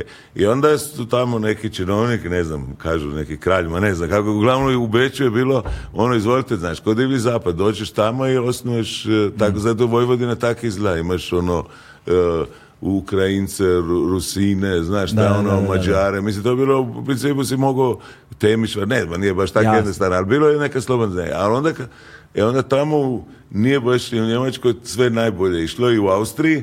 Onda su se ti švabe, koji švabe izraz za, za južne Njemce, švabija, da, negdje je Oni su se Dunavom spustali, mm. oni su se Dunavom spustali i naseljavali se. Recimo Vukovar, bili su neke luke, To je malo literature o, o tom ostalo, to je fascinantno. I onda su gradili tak neka mjesta po Vojvodini, tako je mhm. bilo, kao Apatin je recimo bio jedan tak akcentar a u Osijeku za zašto to je bila drava, ne znam. Uglavnom kako tako, u Osijeku je bila jako velika njemačka banjina ne? Mhm. i kad je to došlo to ludilo 30. dobar e, dio te manjine je ovaj, se zaludio i e, otišao u ono u i tako neke druge priče sve to nesretno završilo pa mhm. je nestalo ali E, e, kad, kad ide tamo 42. ili šta, oni su zamislili su da Osijek će biti centar zbog toga, ono, centar, e, ne znam, te nacionalne partije, ono, i sagradili su jedan ogroman, ogromno zdanje, znaš, mhm. u Osijeku. Kaže se, priča se da je to, da je to bilo po, nacrtima špera, ali dobro, ne zna se, ali nema veze. Ali uglavnom, rad završi kak završi i sad to zdanje ostane, i to se pretvori u, i, i, na veliko zadovoljstvo građana u e, radnički dom. I mm. sad postoji u Osijeku koji nije tako velik grad, postoji da ogromna zgradurina sa salom o, kino salom od preko hiljadu mjesta, puno malih sala, dole neka sala i sve to. I to u to 60-ih e, to 60-ih e, biva korišteno da, da tako neki E, ovaj, ko taj režiser Mešek, koji su imali neke uzavljene ideje, oni idu usrle tamo i ne znam, početi po, e, preda gol, napravi slikarsku školu, ovaj, ovi, ovi prave, tako i tamo u, podrumu Mešek napravi taj mini teatar i onda smo mi išli, e, jedna grupica iz Osijeka, mi smo išli tamo skoro svaki dan vježbali nešto sa tim novim teatrom se nalazi. Pokraj je bila velika sala E, Dinamiti svirali Jimi Hendrix, onak bilo sve i, i ovaj, lepršao. I tamo smo mi neku grupu napravili, e, i uz te grupi je bilo jezgro, je bio moja ondašnja djevojka Dunja Koprolčic i Damir Munitić koji će kasnije ono, otići u, ono, u Hrvatsku biti neki predavač na akademiji, tako normalni teatar i, i Ljubka koja je malo radila u kugli prestao raditi. I, I, to je bilo dok je trajalo i kad smo mi došli u jesen 72. u Zagreb, što smo mi htjeli nastaviti nešto i čuli smo, tamo je bio ne, tradicija studentskog kazališta mm. u, u, u, u Zagrebu i, i čuveni festivali e, studentskog kazališta, su taj neki. I tako smo mi došli, a kad smo mi došli sve to bilo mrtvo. A, znači, zakasnili ste. Mi smo zakasnili. I onda kad zakasniš i kad je nešto mrtvo, šta moraš napraviti? Moraš sve iz početka i moraš napraviti i nešto novo. I onda smo našli tako neke ljude po Zagrebu i, bilo je ovaj, to je, bilo kugle glumište. Da, ali bilo, ali bilo je ovo studentsko satirično glumište da, zapravo od njih. I tu je bio još jedan Zlatko važan. Da. Sviben. Sviben, tako da, je, da. ga znaš? Ne, ne, ne, ne, ne znam, ne znam, ono za, znam, za njega, ali, ali, Ga, ali ga ne znam. Da, ovaj, je bio za, e, Zlatko Sviben i koji je, ti si rekao u jednom intervju da zapravo ono što je kugla glumište kao fenomen e, nastalo u tom trenutku, odbijao si da, da nazoveš to slučajem ono, zeitgeista kao nekakvog duha vremena, odbio si da to nazoveš nečime mm. što je mhm. nastalo spontano i kao mhm. kroz, nek, kro, kroz, eh, kroz, mhm. neku vrstu slučajnosti i također si odbio tak, ovaj, da, da, da, ga vežeš za onime što si, kako si ti to, kako si to rekao, vulgarnom interpretacijom hrišćanskih ili marksističkih ideja, znači kao društveno komentara. Da je to zapravo bilo nešto što je u potpunosti uh, tendenciozno i planski napravljeno tako da kreira teatar na jedan novi način. Sad da, ne samo teatar, znaš, mi, mi smo bili, mi, nas je neka, ovaj, suluda velika eh, ideja uhvatila. Ne, mi smo zapravo htjeli kreirati ne, neki novi oblik eh, eh, života i neki novu strukturu kako, kako ljudi mogu živjeti zajedno i proizvoditi. Tak, mm. To što je bilo blisku tak nekim idejama, pokušama što su ljudi radili da rade komune, kolektiva i sve. To je, to je zapravo e, e, e, mi smo se kupljali na, na, na, na, to nam je neki princip je bio, ne? Mm. I kokotirali smo s to vrijeme sa, sa idejima antipsihijatrije, ne znam, kupe, ta, palengi, tako to je bilo, znači tako vjerovali smo da ono, da se sa pomoću šizofrenije može doći do, ovaj, do ovaj, duhovne čistoće, noće. Tak. Mislim, to je, to je bilo to, ali bilo je zanimljivo. Ne? Tako da je... E, e, to je bila zapravo grupa ljudi koje, a e, koje kasnije nama više neće baš sasvim biti jasno gdje nas to vodi i što mi radimo, ne? A i tako da je to bilo na neki način isto E, okupljalište ljudi, znači u nekom smislu ono što se zove queer, znači neke ovako egzistencija koje se nisu mogli mm. naći da u nekom fahu kako je ondašnje društvo je bilo vrlo strogo, znaš. E, to je prošlo samo par godina kad je bilo nezamislivo da muškarci mogu obući drugu boju osim plavo, sivog ili zelenog, znaš. I crnog. I, crnog, jasno, da. Znaš, to je, mislim, to je bilo društvo koje je bilo, ono, na, ne tam, mislim, bilo je drugih šarmantnih stvari, ali u tom nekim oblicima.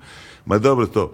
I ovaj, e, e, e, e, i onda, da bi mi, ali mi nismo nikad odustali od tog da radimo teatar, znaš. Nigdje mhm. nismo postali, recimo, neka E, e, što bi se danas govorilo, ne znam kako se to kaže dobro, znaš, akcionizam, znaš, neki ljudi koji rade art pa onda naput pređu e, da se bave nekim društvenim aktivizam, aktivizam, i znači, nije, bilo, uvijek smo, mi smo uvijek da, nekako stali da hoćemo raditi teatr, teatar, znaš, ili neku našu sliku teatra, znaš, nismo otišli u aktivizam i nismo otišli u terapeutsku zajednicu, što smo isto mo, možda mogli znaš da recimo da smo sasvim uronili u to što se zvalo onda antipsihijatrija, znači to bi, bilo neki e, ideja da se u kolektivu može mm. ovaj e, psihotični poremećaj i to, a, imali smo takve ljude tako ovaj tu neku blizinu i mislim interesirali su nas e, recimo te psihodelične droge, tako što je to bilo u, u to vrijeme ovaj, e, se činilo da, da može otvarati neka vrata i tako nešto. E, ovaj, dobro, to sad vodi u jednu, to sad vodi jednu drugu krajnost u kojoj ćemo govoriti malo kasnije, to je ono, znači cena koju ste plaćali zapravo za tu vrstu odnosa, znači to je ono, jer, jer ako govorimo o seksualnim slobodama, ako govorimo o telesnim slobodama, ako govorimo o relacijama i dovođenju pitanje svega onoga što je bilo neka društvena norma, normativnost, ovaj, sebe zapravo urajenjem u to izlažeš jednom ogromnom riziku i to može dovede do strah, ono, in, velike nestabilnosti životu jedne individue, ali doći ćemo, doći ćemo toga. Ono što je meni zanimljivo je da počnemo sad od samog naziva kugla glumište. Mhm.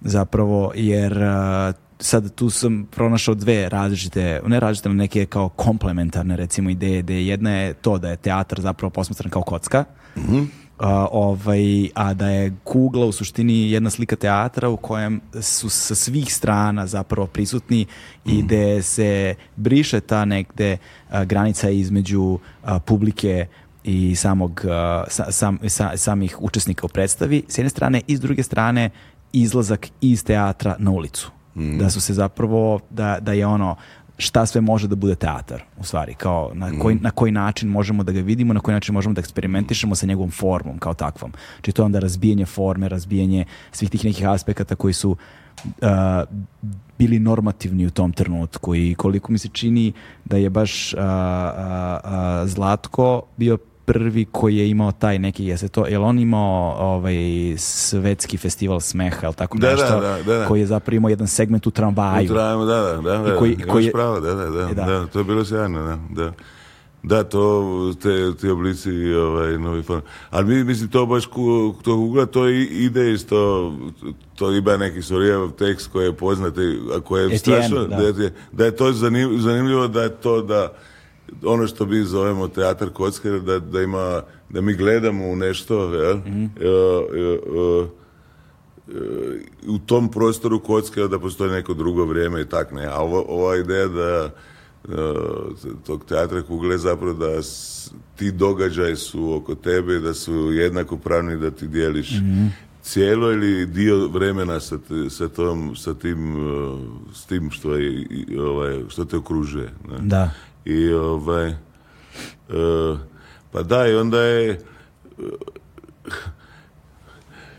onda je to bilo zanimljivo da, mislim da tu je puno stvari bilo, znači, mi nismo ni, ni mogli doći e, do, do, do, pravog teatra, znaš, ta je želja da se ide van je bila... Ovaj, malo, je nužnost. Malo je nužnost, da, nikad nismo ni imali svoj prostore. Ali je to, pa jedno to je bilo zanimljivo, bile su te, znači, e, nekako iskustva, happeninga i tako, to je jako bilo zanimljivo. Bilo je zanimljivo kako, znači, ispitati nekakvu granicu e, teatra, ne granicu, ali ne znam gdje dok on može ići znači, Ima neko čudno, ima neki čudan trik, ne, da ti, ako ti sad ne imaš neko, nešto se događa u stvari nekoj ulici, sad ti ako nešto staviš neki ram okolo mhm. toga, znaš, onda onda ta stvarnost postane ona postane označena. Znači nju ti percipiraš e, kao, kao da, je, da, da, da je to teatar, nema, mm. makar je to uobičajena radnja, ne znam, cijepanje drva ili sve. Sad, to, to smo mi se bavili kako, tim kako na, naći taj, taj, taj okvir, da, onda tu, tu smo vidjeli da, da je da je glazba, neki putući orkestar, dobar, da neka naznaka bila ili da,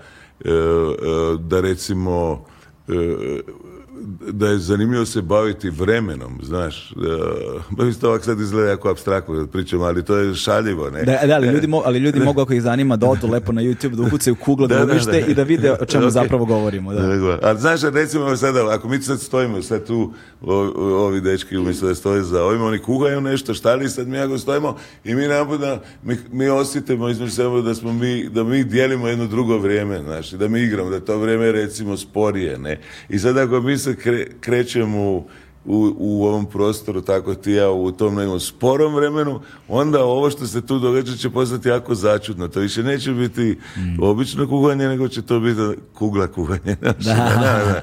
Ne znam kako kažem. Znaš, to je te, te mikromagije su... Jasne. To I to je bilo nešto što smo se to ne možeš domisliti. To je bilo to mm. da, da ideš van u neke prostore i da igraš. A bavili smo se jako za koje prostore ćemo raditi. Znači, onda smo to prilagođavali baš za te određene brojke. Znači, kad smo do, pozvali su nas da dođemo u Novi Sad na neko malo pozivlje i sve, onda smo mi, onda mi odemo i sve, a onda mi idemo, i onda mi idemo, a, evo, nađemo se to. Zanimali su nas, recimo, E, ona e, naselja, rubna naselja gdje, ono gdje se, znaš, ovi, ove novogradnje susreću sa onim e, često divlje izgrađenim kućama ili oni ostatak kuće, šta je. Sad to ti je recimo bilo ono u u, Novom Sadu to je to bilo detelinara, ono satelit naselje, ne znam, detelinara je to. Pa smo to igrali. Onda smo to promišljali baš za prostor. Aha, onda u tom prostoru pa i nekako smo trebali povezati prostora, pa onda sad pričamo o nekoj predstavi e, Mekani brodovi koja nam je bila velika stvar. Mi smo imali velikog guštera od 12 e, metara, znaš koji je hodao s i glazbenicima i on gušter je vodio iz jedne slike u drugu i čim sad to je bilo inspirirano pred mm, e, predrenesansnim kazalištem. Znaš, kad nije bilo drame, kad nije bilo individuma, to je tako, to je bilo... E, e znaš, da, je bila, ovaj, kad je bila ovaj, drugačije bilo, eto, eto, to je bilo velika inspiracija. Da, tu zapravo dolazimo, dakle, jedan je Etienne uh, mm. tako, da. kog ste pomenuli, kao njegov taj jedan da. tekst ko, o estetici, zaboravio sam sada. Pa, a drugi je bio Darko Suvin, jel te, mm. to su dva vida dramaturgije koji su zapravo kreirali neki, neki, neku definiciju onoga šta je otprilike to što ste vi pokušavali da uradite, ali je zanimljiva stavka tog kugla e, glumišta bila ta, to tumačenje pozorišnog junaka. I da zapravo e, da, da pozorišni junak e, u, na način na koji ga mi vidimo danas mm. je relativno nova kategorija u suštini. To je mm. baš to. Dakle, da ti u tom predrenesansnom periodu ili pred baroknom mm. u suštini pozorišni junak nije bio nije, nije, nije bila omeđena figura na način na koji to vidimo danas i da, ste, mm. da, da je onda tebe tada, tebe i vašu trupu, jel te zanimalo to?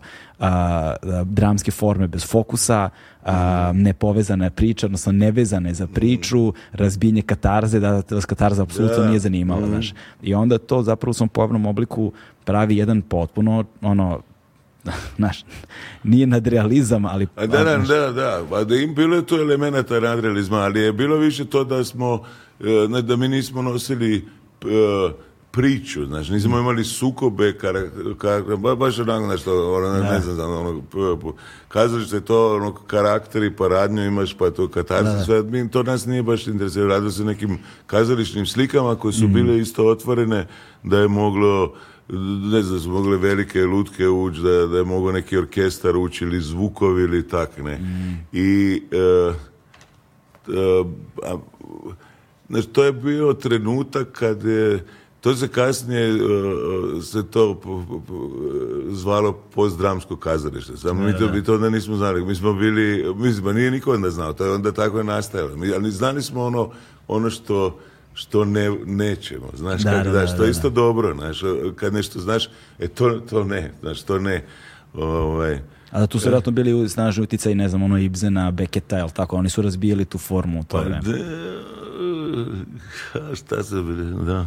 Ne uzudim se ni reći šta je ono bilo Ne, če, ne, bilo je puno, puno je bilo utjecaja koje nisu baš bili kazalište, ne? Mm. Znaš, recimo, e, za čudo bio je bilo je u Zagrebu jedno mjesto, je mem, neka mala salica, nije, to je sve bilo, nije videa, bilo ništa ne bilo. I tam su dolazili filmovi, recimo, američka eh, underground eh, filmovi, ne, to, to, to je bila, mislim, meni bar osobno velika inspiracija, znači da ovaj, to da se, da, da se eh, pa to, baš to, znači da i to, to odustajanje od naracije i, i mhm. takve stvari, ne, da su bile tu, bili su E, i jako profane inspiracije, prvomajske parade recimo, to je, to isto je neka forma bila koju opet možeš povezati sa ovaj, srednjom vjekovnom e, ili kako ne zove kazalište crkveno, znaš, gdje, mhm. se e, gdje su slike prolazile jedan ispred druge, a mi smo vodili publiku iz jedne slike u drugu. Da, tak. da, da, da. I, I onda je iz toga vodilo taj, taj teatr, kao socijalna institucija i onda to koje je vodilo zapravo nužno to propitivanje granica koje su vas vodile upravo te vrste propitivanja onda sloboda i mm. kao i samim tim granica s jedne strane ono ideoloških, s jedne strane e, formativnih, s jedne strane normativnih, s jedne strane telesnih, s jedne strane ono seksualnih, s jedne strane ovako i onako. I ovaj, kakve to posljedice ostavi na čovjeka posle no, šest godina aktivno pa dobro, aktivno ludila? dobro, vidiš da ja imam 70 sad pa još krajem Pa dobro, pa mislim ne. Pa, bi, bi, pa, pa vjerojatno je E, pa ne znam, ulazak u život mora biti dramatičan nekako, ne mm. moraš e, propitati se, on uvijek ima na bilo koji način, ne. Da. A, e, nam je teško bilo zato što nismo imali nismo imali dovoljno dosta sugovornika, znaš, mm. to, to, je bilo, bilo je premalo recimo takvih grupa i centara, ali da je bilo više, bilo bi lakše. Ne. Ali opet je bilo dobro. Ja mislim isto da, da smo mi prisustvali, ne prisustvali, da smo mi bili unutar jedne mreže neke koja možda nije sasvim bila, koja je bila na prostoru Jugoslavije, znači koje, da smo se doticali i i izmjenjivali iskustva i hrabrili na neki čudan način jedan drugoga, znaš. Tako da, nismo, nismo bili romantični, usamljeni.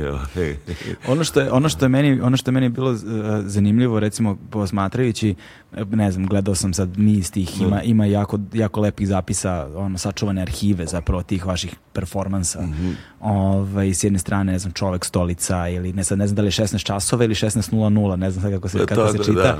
taj, taj mi je recimo bio fascinantan da. sad ja sve vreme razmišljam, ko su tu učesnici u da. Ono, znači vi izlazite kroz neki prozor, bacate mm. uh, one veze, kao, kao, kao zatvorenici koji pa beže na posteljine, da, da, da, zatvorenici. Šta da rade?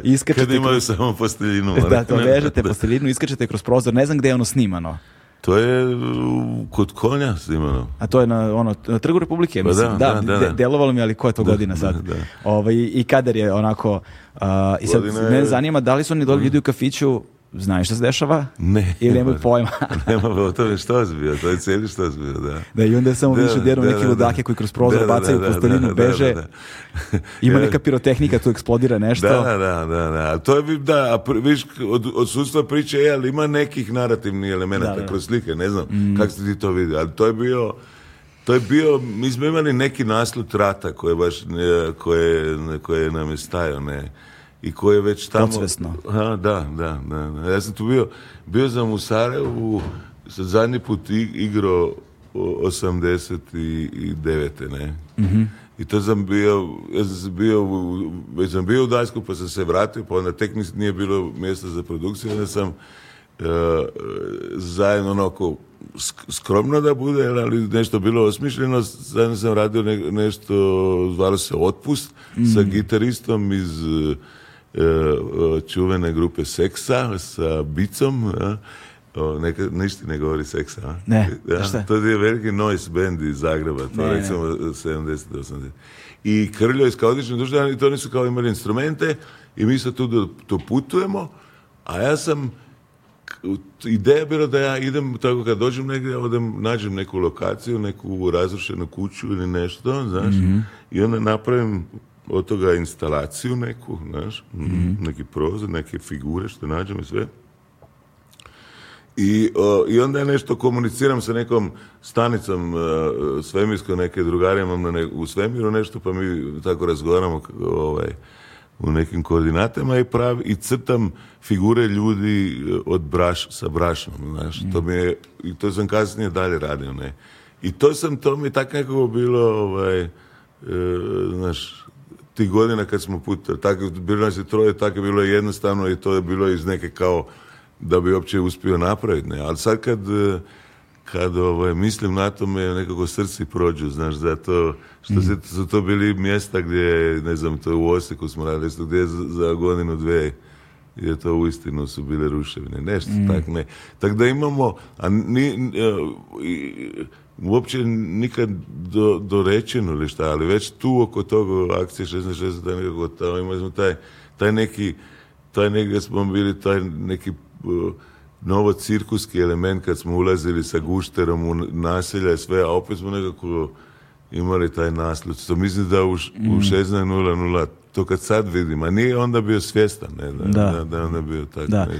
Drugi element koji je tu bio fascinantan jeste način na koji je zapravo muzika ulazila u tu mm. vrstu performansa i kako je band pratio ono što su bili dramski mm tekstovi, mm. nazovimo ih, sad ne znam kako bih ih nazvao, ali jesu na neki mm. način zapravo.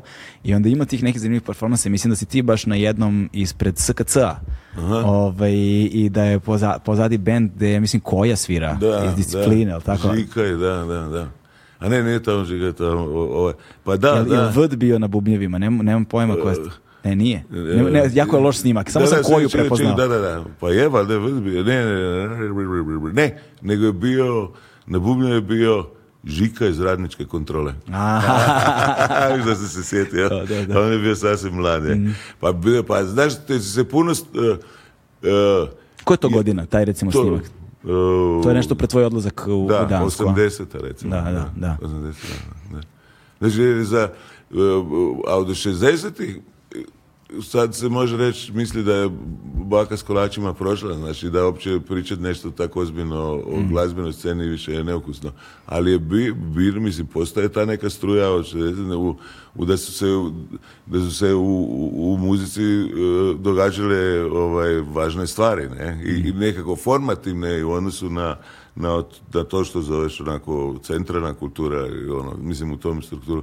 A mi smo imali, kako smo mi u, uvijek od početka imali e, glazbu predstavno, čim smo izlazili vani. Nama, nama je bio s nama je bio e, e, Ivan Šilović, Šilović Šilo, ja, mm. koji dolazi koje na, na jednu ruku je bio iz e, e, ozbiljne avangardne klasike, znaš, ovaj, sa, ono, sa dobrom poznavanjem, recimo, klasične avangardne glazbe, a na drugu ruku je bio žešći alternativac. Ne? I dok je gorio, a nije predugo, nažalost, trajalo, onda je on inspirirao stvarno puno ljudi s tim, ne, mm.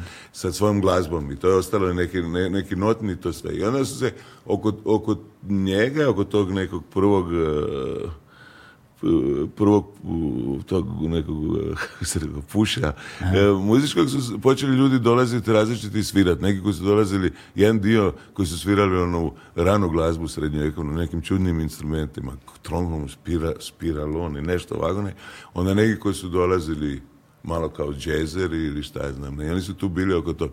I kako smo mi imali jednu šupu, znaš, onda, onda je taj, na jedan put se dogodilo da, da, je, da je, a cijela, a mislim, nama se to nije sviđalo, taj rok, to je onak bilo, znaš, ovaj, ali nam se dogodilo ta ne, i to se dogodilo sve u godinu dvije, znaš, da, mm. da su se, ne znam, počelo se svirati drugačija neka ta glazba. To je kod nas bilo, novi val, nije to bio punk zapravo, ja ne znam, ja sam gledao pankrt e, te od početka, ali to nije bilo značajno, ali to kako su ljudi počeli i kako su ovi bili bendi, kako je to bila šupa, onda su se u toj šupi svi ti svirali s nama i iz našeg benda su onda išli, ne znam, i onda su Haustra došli, ovo ne znam, e, svi ti vani, oni su znali opet ljude u Beogradu, tak da je to u jednom trenutku bilo zanimljivo e, ta suradnja, mi došli igrati sa predstavom, onda, mm. onda bi sva ta nova rulja došla pa, pa sudjelovali u predstavama i tako dalje. Ono da to je bio tako jedna magičnih par godina kad je, e, kad to bilo e, jako dobro na nivou tih predstava. Znaš da nama dolaze izvrsni muzičari koji dođe, a njima je opet bilo iskustvo jer smo mi bili kao stariji, znaš, imali smo drugačiju strukturu, nije samo bend bio, mi smo imali, znaš, ono nešto gdje trebaš graditi, predstaviti se, pa to njima bi isto veliko, veliko iskustvo, a bilo je do tih e, nekih, e, kako ne znam, kontakata, otvaranja, mislim, meni osobno sa kojom je bilo nekako važno, jer ovaj, meni to bilo odlično što on radi, ali uopće neko ličnost interesantan uvijek bio, znaš, da, da ga je interesiralo i film, na neki čudan način i teatar, znaš, onaj, ovaj, šaljivo, posprdni uvijek, ali zapravo art ga zanima, ne? znaš, to je, to je bilo zanimljivo, taj, taj neki svježi, ovaj, mm. su, dakle, ovo bilo živancija, ovaj, i ono, da, u Beogradu radi. Da, ovaj, to nas vodi sad u jednu novu, ono, tvoju život, mislim, novu za to vreme, jel te, životnu epizodu, ali ti pre toga zapravo odlaziš za, 82. si rekao da odlaziš za, za Dansku, mm. tako?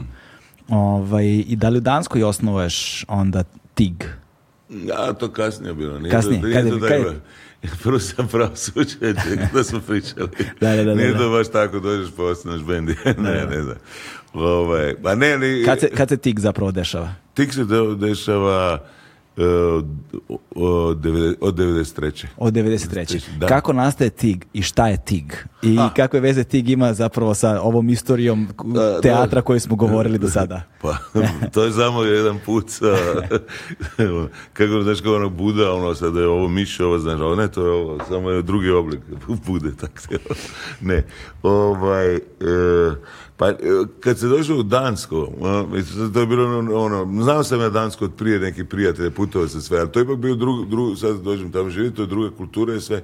Teatar, onaj klasični me nije zanimao, ni, nisam, jezik mi je falio, ali nije me ni to ni zanimalo, a ovakvih, e, tako nešto u naslutu kugla je glumište, tak tog nisam našao tamo i nije bilo nešto, ali u to vrijeme je bila strašno zanimljiva scena e, u Kopenhagenu, jer su oni imali, su, mislim, sve u tom trenu napot isto, cijela Europa je, mislim, i Amerika, znaš, sve je to titralo nekako preko tog. Nije to bilo samo kao neki novo valno bendovi pa punk, nego su naput sve klubovi, slikari su se, počeli su se opet svi miješati, mhm. znaš, pa ideš ovdje, ideš tako i tako. Sad, sad je to bilo u u, u, u, u Danskoj Kopenhagenu to je bilo strašno uzbudljivo taj trend i te rane 80. Znači, su bile dosta skvoterskih kuća, pa gdje su, gdje su bili koncertni prostori. E, to je znači da je bio upad jako jeftin, da je ono piće bilo, znaš da je, da je sve, da, da nisi morao imati ovaj, Puno para. Puno uše u džepu. I ovaj, a blizu su Berlina bili. Eh? Mm. I, onda to tamo i vlak još voze, to brzo se došlo i jeftino Berlina. A u Berlinu su bili onaj pokret genijalnih diletanata koji su meni najgenijalni, pa su oni tamo visili, pa je to sve bilo zanimljivo.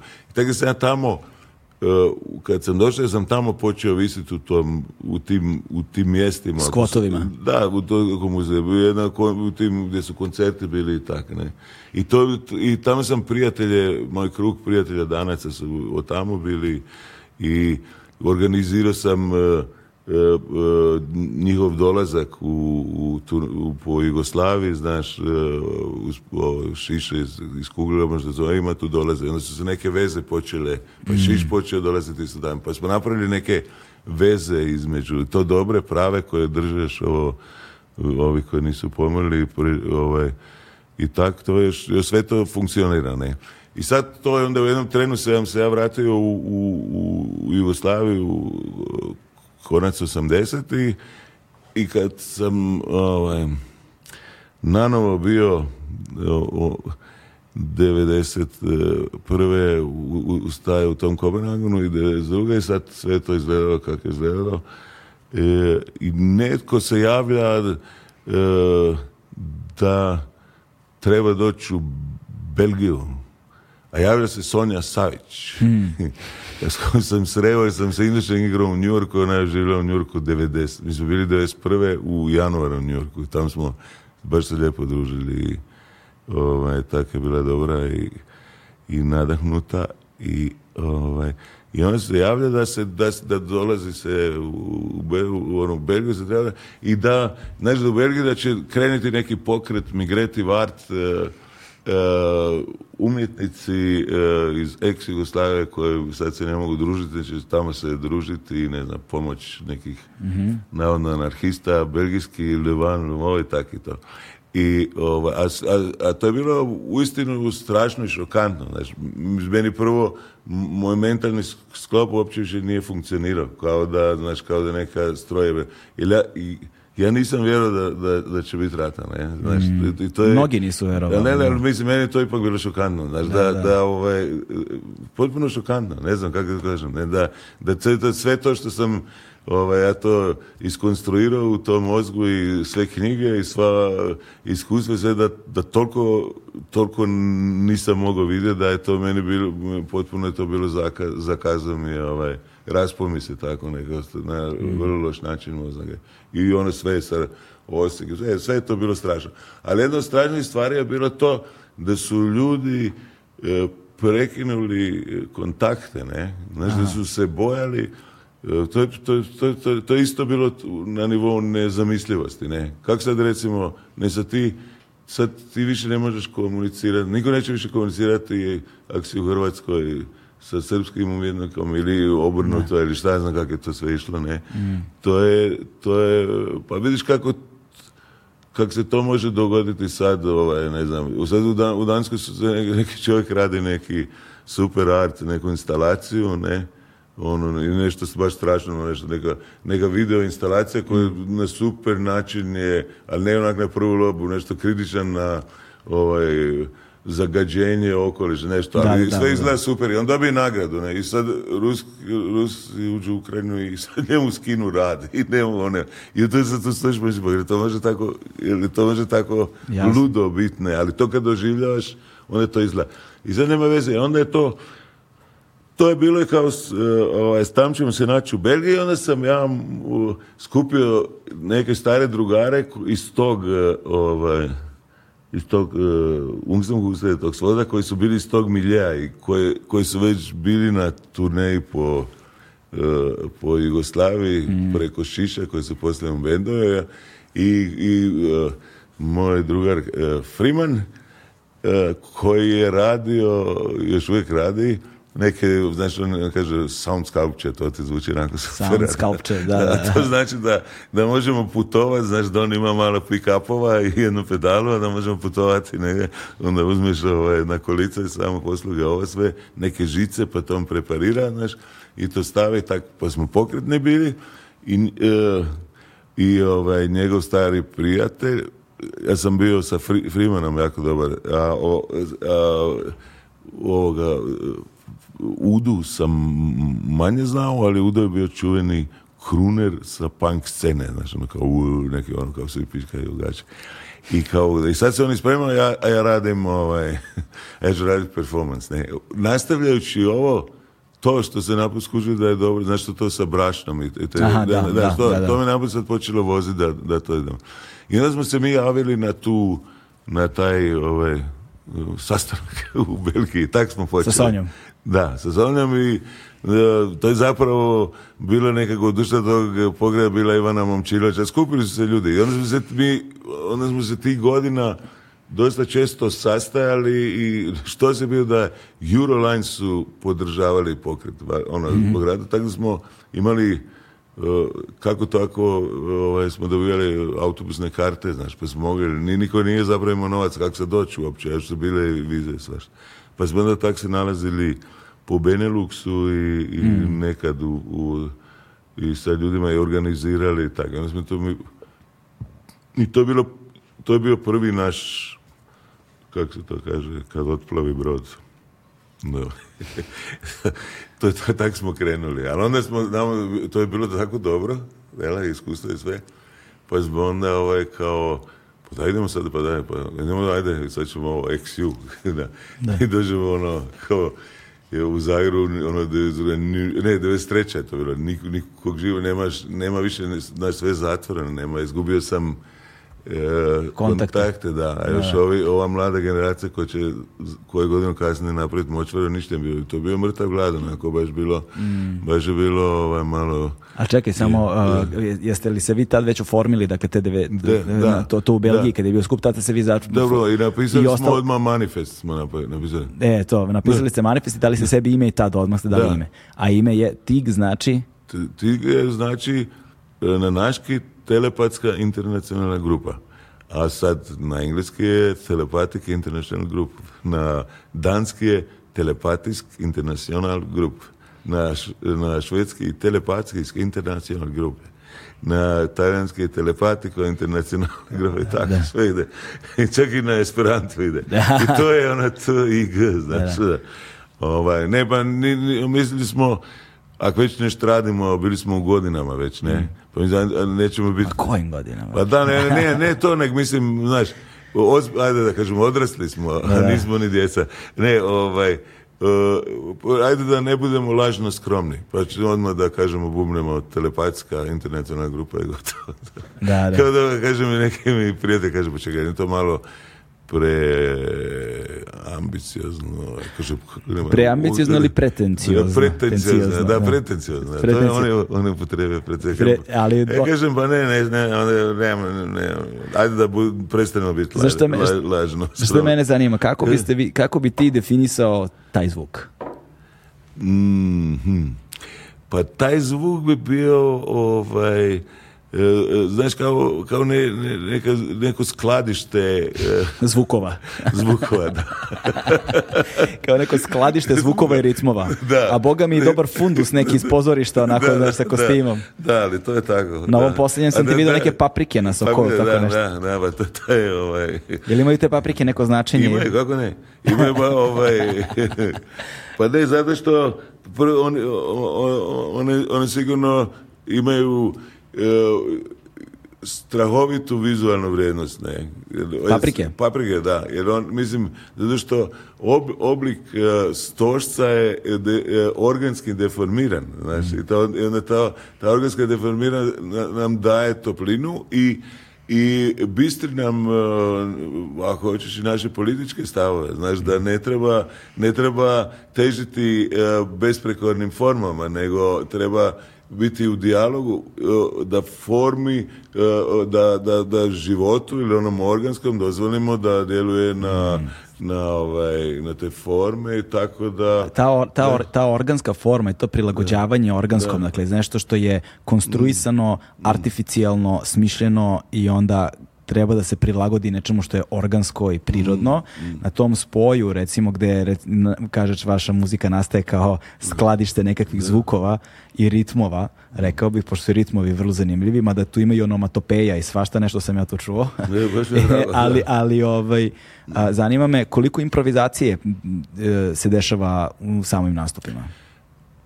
Ah, mi štujemo i gajemo improvizaciju. Ne? Ali E, ne, ne mislimo da je e, da mi e, moramo za publiku predstaviti nešto što se zove koncert a koncert ima jednu formu da treba biti pjesme da te pjesme imaju, e, moraju imati neku dužinu koja je prikladna e, o koncertu i da tako ima struke i tako se mi trudimo da to, mi zapravo mislimo da, su stvari jako strukturirane, ali, ali taj, taj uskit improvizacija i taj zapravo taj, to je taj najjači napon koji nas veže i koji on uvijek to učini organskim. Znaš. Da. Ima ti refrene neke, boga mi. sam da, da, da, da. da. Odlično. Ovaj, I taj projekat živi dan danas. To, je, to je ono što je mm. zanimljivo zapravo. Mm. Kažem, evo, juče sam baš video, poslao sam tebi, pošto si rekao da tog snimka nema na internetu, ali ga ima i pozdrav za, da, pozdrav za ljudi iz Parobroda. Pa, jer ti, vi ste 2019. godine gostovali u Beogradu ponovo sa tim projektom mm. i TIG je nastupao u Parobrodu. Mm-hmm. ima sat i po vremena nastupa bilo... na internetu, mogu ljudi da ga pogledaju. Poslušaju to jest. Tako da, kako, kako se zapravo taj, taj format kako je preživljavao, kako se menjao zapravo kroz decenije sada mm. već, ono, te posljednje tri decenije od trenutka kada je mm-hmm. nastajao, jer promenilo su se okolnosti, promenilo se vreme, promenilo se društvo, promenilo su ideologije, promenili smo se i mi, jel te? I da. vi sami kao umetnici. I mi, da, da, da. Preživljavao je uh, uh, preživljavao je potporom e, potporom e, aktivista i, i, prijatelja u toj nekoj mreži i našom e, ozbiljnošću da, da e, da ispunimo očekivanja tih, tih grupa i drugara iz te mreže. Mm. I tu u početku je kad smo to počeli raditi, nam je bilo, nego najviše nam je davalo prijateljstvo sa Markom Breceljom koji je onda bio stacioniran u, u e, MKC u Kopru, to je bio mladinski klub i e, početkom 90. mjeseca možda je to bilo nekako najvažnije e, mjesto u, prostorima mm. E, a taj klub mali, što je to je bilo prvenstveno mjesto slovenske alternativne scene koja je uspjela preživjeti ovu tranziciju, ne, tako da su oni dobro bili organizirani i sačuvali su klubove, što drugdje nije. Bilo, da, da. Slovenci su dobri u tome. Da, da, su odlični. I, oni, I mi smo onda ušli samo u tom reču, ali to je bilo isto onda važno, zato što tamo bendovi prvo iz Istre, pa iz cijele Hrvatske, pa to što je ostalo od alternative dolazili, znam da su dolazili isto iz Kragujevca, tako to je bilo neko mjesto, iz sarajeva ovaj mm. SCH je bio, da. i tajna ličnost, e, Brecelja, koji je sad baš ove godine umro i tak je to veliki gubitak e, e, on ima tu neku e, snagu i ovaj često kontradiktorno, uvijek je bio puno tu svađa bilo i sa cijelom mhm. scenom, ali taj, taj neki napon je bio, to je ipak sve skupa rezultirano da je ta scena bila dobra, živa, znači da je imala i veze recimo baš sa nizozemskom puno, da su bendovi, odlični bendovi iz Rotterdama dolazi. I nama je to strašno važno bilo da, da da smo mi preko e, e, Brecelja ušli, da nam je otvorio vrata, da smo ušli u tu slovensku scenu, smo upoznali ove dečke iz Žambo orkestra i, i, ovo kad je e, Metelkova mhm. otvorila, tamo smo bili od prvih, od dana. Metelkova. mi smo baš bili sve na smo Ostala ista. da, doživjeli smo sve to. I ta scena je bila dobra, onda su se tu pojavili opet, o, sad iz Močvara dolaze. Tak, znači, to je, to je bilo to nam je omogućilo. Onda nam je omogućilo to što nismo samo svirali, nego smo, nego e, e, e, je Henning bio uvijek sa, sa mnom i uh, Peter Oliver Rogensen.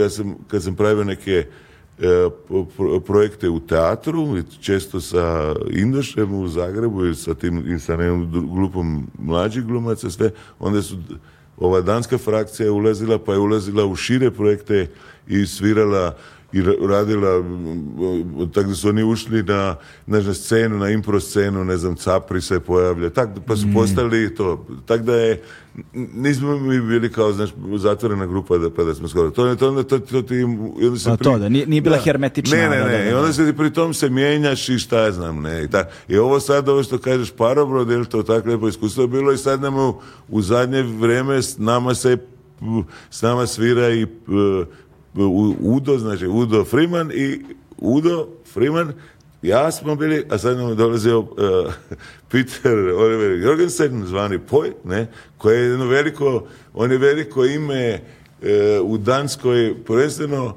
improvising muzik, zapravo džeza, on je ušao, on je mm. ono bio prvi, da, baš to je bio na ono, kultno to, ali on ima dobar eh, ovaj, E, dobar sluk sa, tom što mi zovemo kao Rob onda on, imao, on im zajedno svira sa David Thomasom iz e, Peribija i oni imaju band. I tak mislim, to je jedan, on je e, jedan sjajan multi ali kod nas se dolazi svira ovaj, da.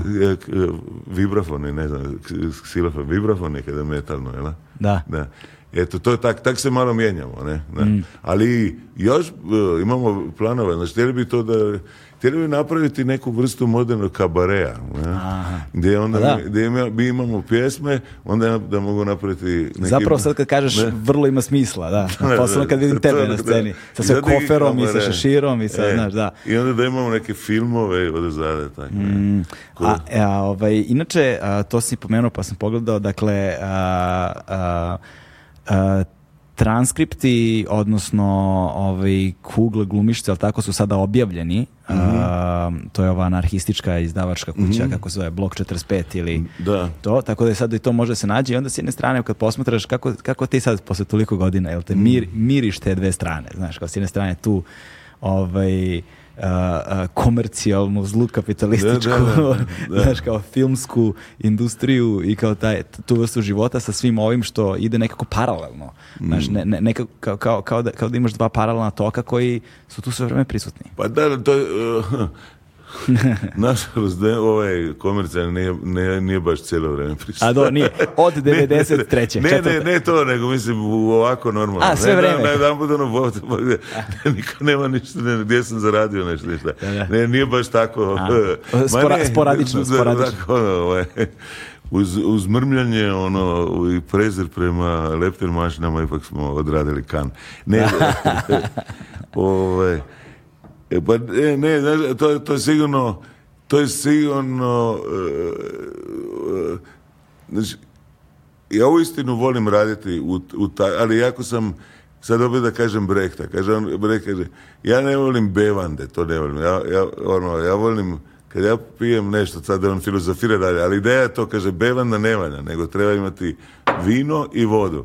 Pa kad onda pijem vino, ne znam da pijem vino, a kad pijem vodu, da znam da pijem vodu. Da, da, da. da. I tak da, da, da. A ne bel, ti ne praviš bevan. Ja ne, ne pravim Mislim, kad znam u kojem sam, ali to, to je... E, to je vrlo dobro da vidiš stvari, znaš, tako ja se ne osjećam, nikad se nisam to osjećao to u tom nekom, e, recimo u toj industriji, jel, e, finskoj, šta, ali mi sam epizode, ne, vjerovali ne, Igrao sam u Danskom kraljevskom kazalištu My Fair Lady, u mjuziklu, ne, znaš, ali, to je isto bilo. I mislim, e, znaš, e, e, uspio sam da, da ne znam, da, napravim od toga da, mogu preživjeti. Aj sad, da. nije u tom, u tom ne, čekaj sad da ti hoću šta je, šta je, šta je dobro. Znaš, zašto ti da tu neku svježinu koja ko ti da... Kišlovski nam on kaže, ja vidim Vidim, ja kaže, ja, kaže Kišlovski, ja volim takve, takve filmove, narak sad on neš piše o svojim filmima. A kaže, kaže, znam, bio sam u nekoj školi, tam gdje su bili, ljudi rade pa grebu filmove, on kaže, kad to mene ne interesira. Zato je neka slučajna opaska, ne? Da. I, I sad to ti je recimo taj e, Ali ako to uspiješ zadržati to, znaš tu, e, to da gledaš nekog, sad recimo kad igram na, na sad mi tik igramo, s nama nastupa naš e, prijatelj Martin Klaper iz Praga i on s nekim e, finskim, e, švedskim saksofonistom lupiti su sve. I sad on, a Martin radi na osmici, znaš, grebe, pa na osmici crta još, na, znaš, kao osmica, ono, mislim, dobro, super osam, to opet mali, mali kvadrati, pa crta, pa nešto, neke snima s s tom starom tehnikom i sve. Ali, E, to kad on e, pusti taj, kad oni sviraju, kad on pusti te izgrebene filmove koji su strukturirane, taj zvuk e, onog projektora, to koliko je tamo važno u toj skromnoj produkciji, koliko je važno da je utikač dobar, koliko, koliko se cijeni recimo 100 eura honorara, kak je to na jedan put mm. veliki novci i koliko stvarno ga trebaš imati i respekt i boriti se za to i tako. To to mislim, to, to meni da nekako da uvijek mogu svježe gledati, znaš, da ne, mm. ne otupavim, ali ne znam. Pa na taj način onda možemo reći onda, onda, onda su, ako su voda i vino, jel te, onda, bi, onda bi voda bila komercijalna industrija jer od nje živiš, a vino je ovo za što tome uživaš. nešto tako, da. da, nešto, nešto tako. Ovaj, i samo sam teo za kraj jednu sitnicu uh, istražujući ovaj, sve ovo, otkrio sam tako neke fa fascinantne rukavce u umetnosti uh, vremena, jel te to, 60-ih, ono, 70-ih mhm. godina, gdje sam otkrio uh, gospodina Aljuša Muslija, koji je kasnije promenio svoje ime u Harry Jackson. Mhm. Dakle, i u pitanju je... Iz Tako je, da. legenda, legenda. legenda, čoveče, da, ja nisam imao pojma znači, da. da. takvi biseri postoje i da je to nešto... Da, da. sam saznao da je Kusturica tipa ono, svoj diplomski film, ne diplomski, pardon, nego prijemni film na fakultetu kad je upisivao režiju je radio zapravo o njemu. Stvarno? Dokumentarni film o njemu. Ne, to, mu je bio, to mu je bio film na prijemnom ispitu. Ovaj, a... Ja sam ga uživo gledao. On, on je, to je... Aj samo reci ljudima ko je Harry Jackson. imaš ti zadovoljstvo to da kažeš. Evo, dobro, hvala ti. Ali sam fasciniran kako si se ti pripremio. Da, da, to je odlično. Dobro, Harry Jackson. Znači, mi, mi smo u Zagrebu, recimo 73. ili, ili proljeće 72. Događa se taj e, festival smijeha Sviben je i, Kvatrovi su uspjeli nagovoriti Z da e, daju one, znači, one tramvaje e, radne koje idu po noći i ti tramve kruže po gradu, imaju neke scene iz nekih, e, tako i na, na, na, jedna, na ta dva e, ekipa, kauboj, ono, muškarci, ono, žene, kaubojke, ono, sve, oni stoje, konji se stoje i kreću tako kroz, kroz Zagreb o, na tramvajima, dolaze tam ispred onog dvorišta ispred dvorišta SC-a i treba biti e, e, bit će prikazivanje način se prikazuje filmovi Harry Jacksona. I, i, on ima, kao i svaki umjetnici, ima preskonferenciju. I Vjeran Zupa, čuveni Vjeran Zupa, vodi, vodi tu ovaj, e, taj razgovor o koprodukciji i to sve. A Harry Jackson priča da je Čovjek je e, fotograf u Bijeljini i e, e, taj, taj suvišak kapitala koji ostvaraju sa fotografskom radnjom ulaže u, kostime i filmsku traku na 8 mm i sa suprugom i prijateljima snima prave vesterne u okolici Bijeljine.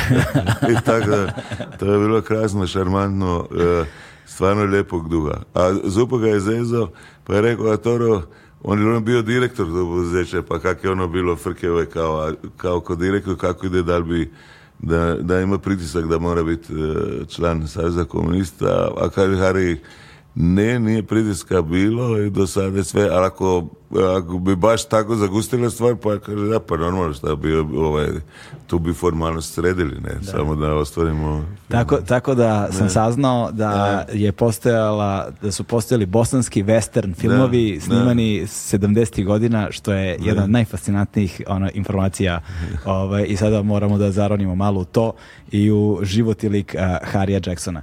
E, e, Zlatko, hvala ti puno. Hvala ti puno. Hvala... je ugodno. hvala, ti puno, na vremenu, ne. hvala ti puno na divnom razgovoru i uh, gledajte ljudi ovaj, trogao tuge, The Triangle of Sadness ili kako se kaže na, na danskom, na švedskom. Tako isto. Isto, pa tako, Triangle of Sadness. Da, Nisu, nisu prevodili. Nisu da. Da, triangle da, of Sadness, Zlatna palma u kanu. Čestitam još jednom. Uh, predivno izvođenje, pred, predivna uloga, predivan film i hvala ti na vremenu i razgovoru. Hvala.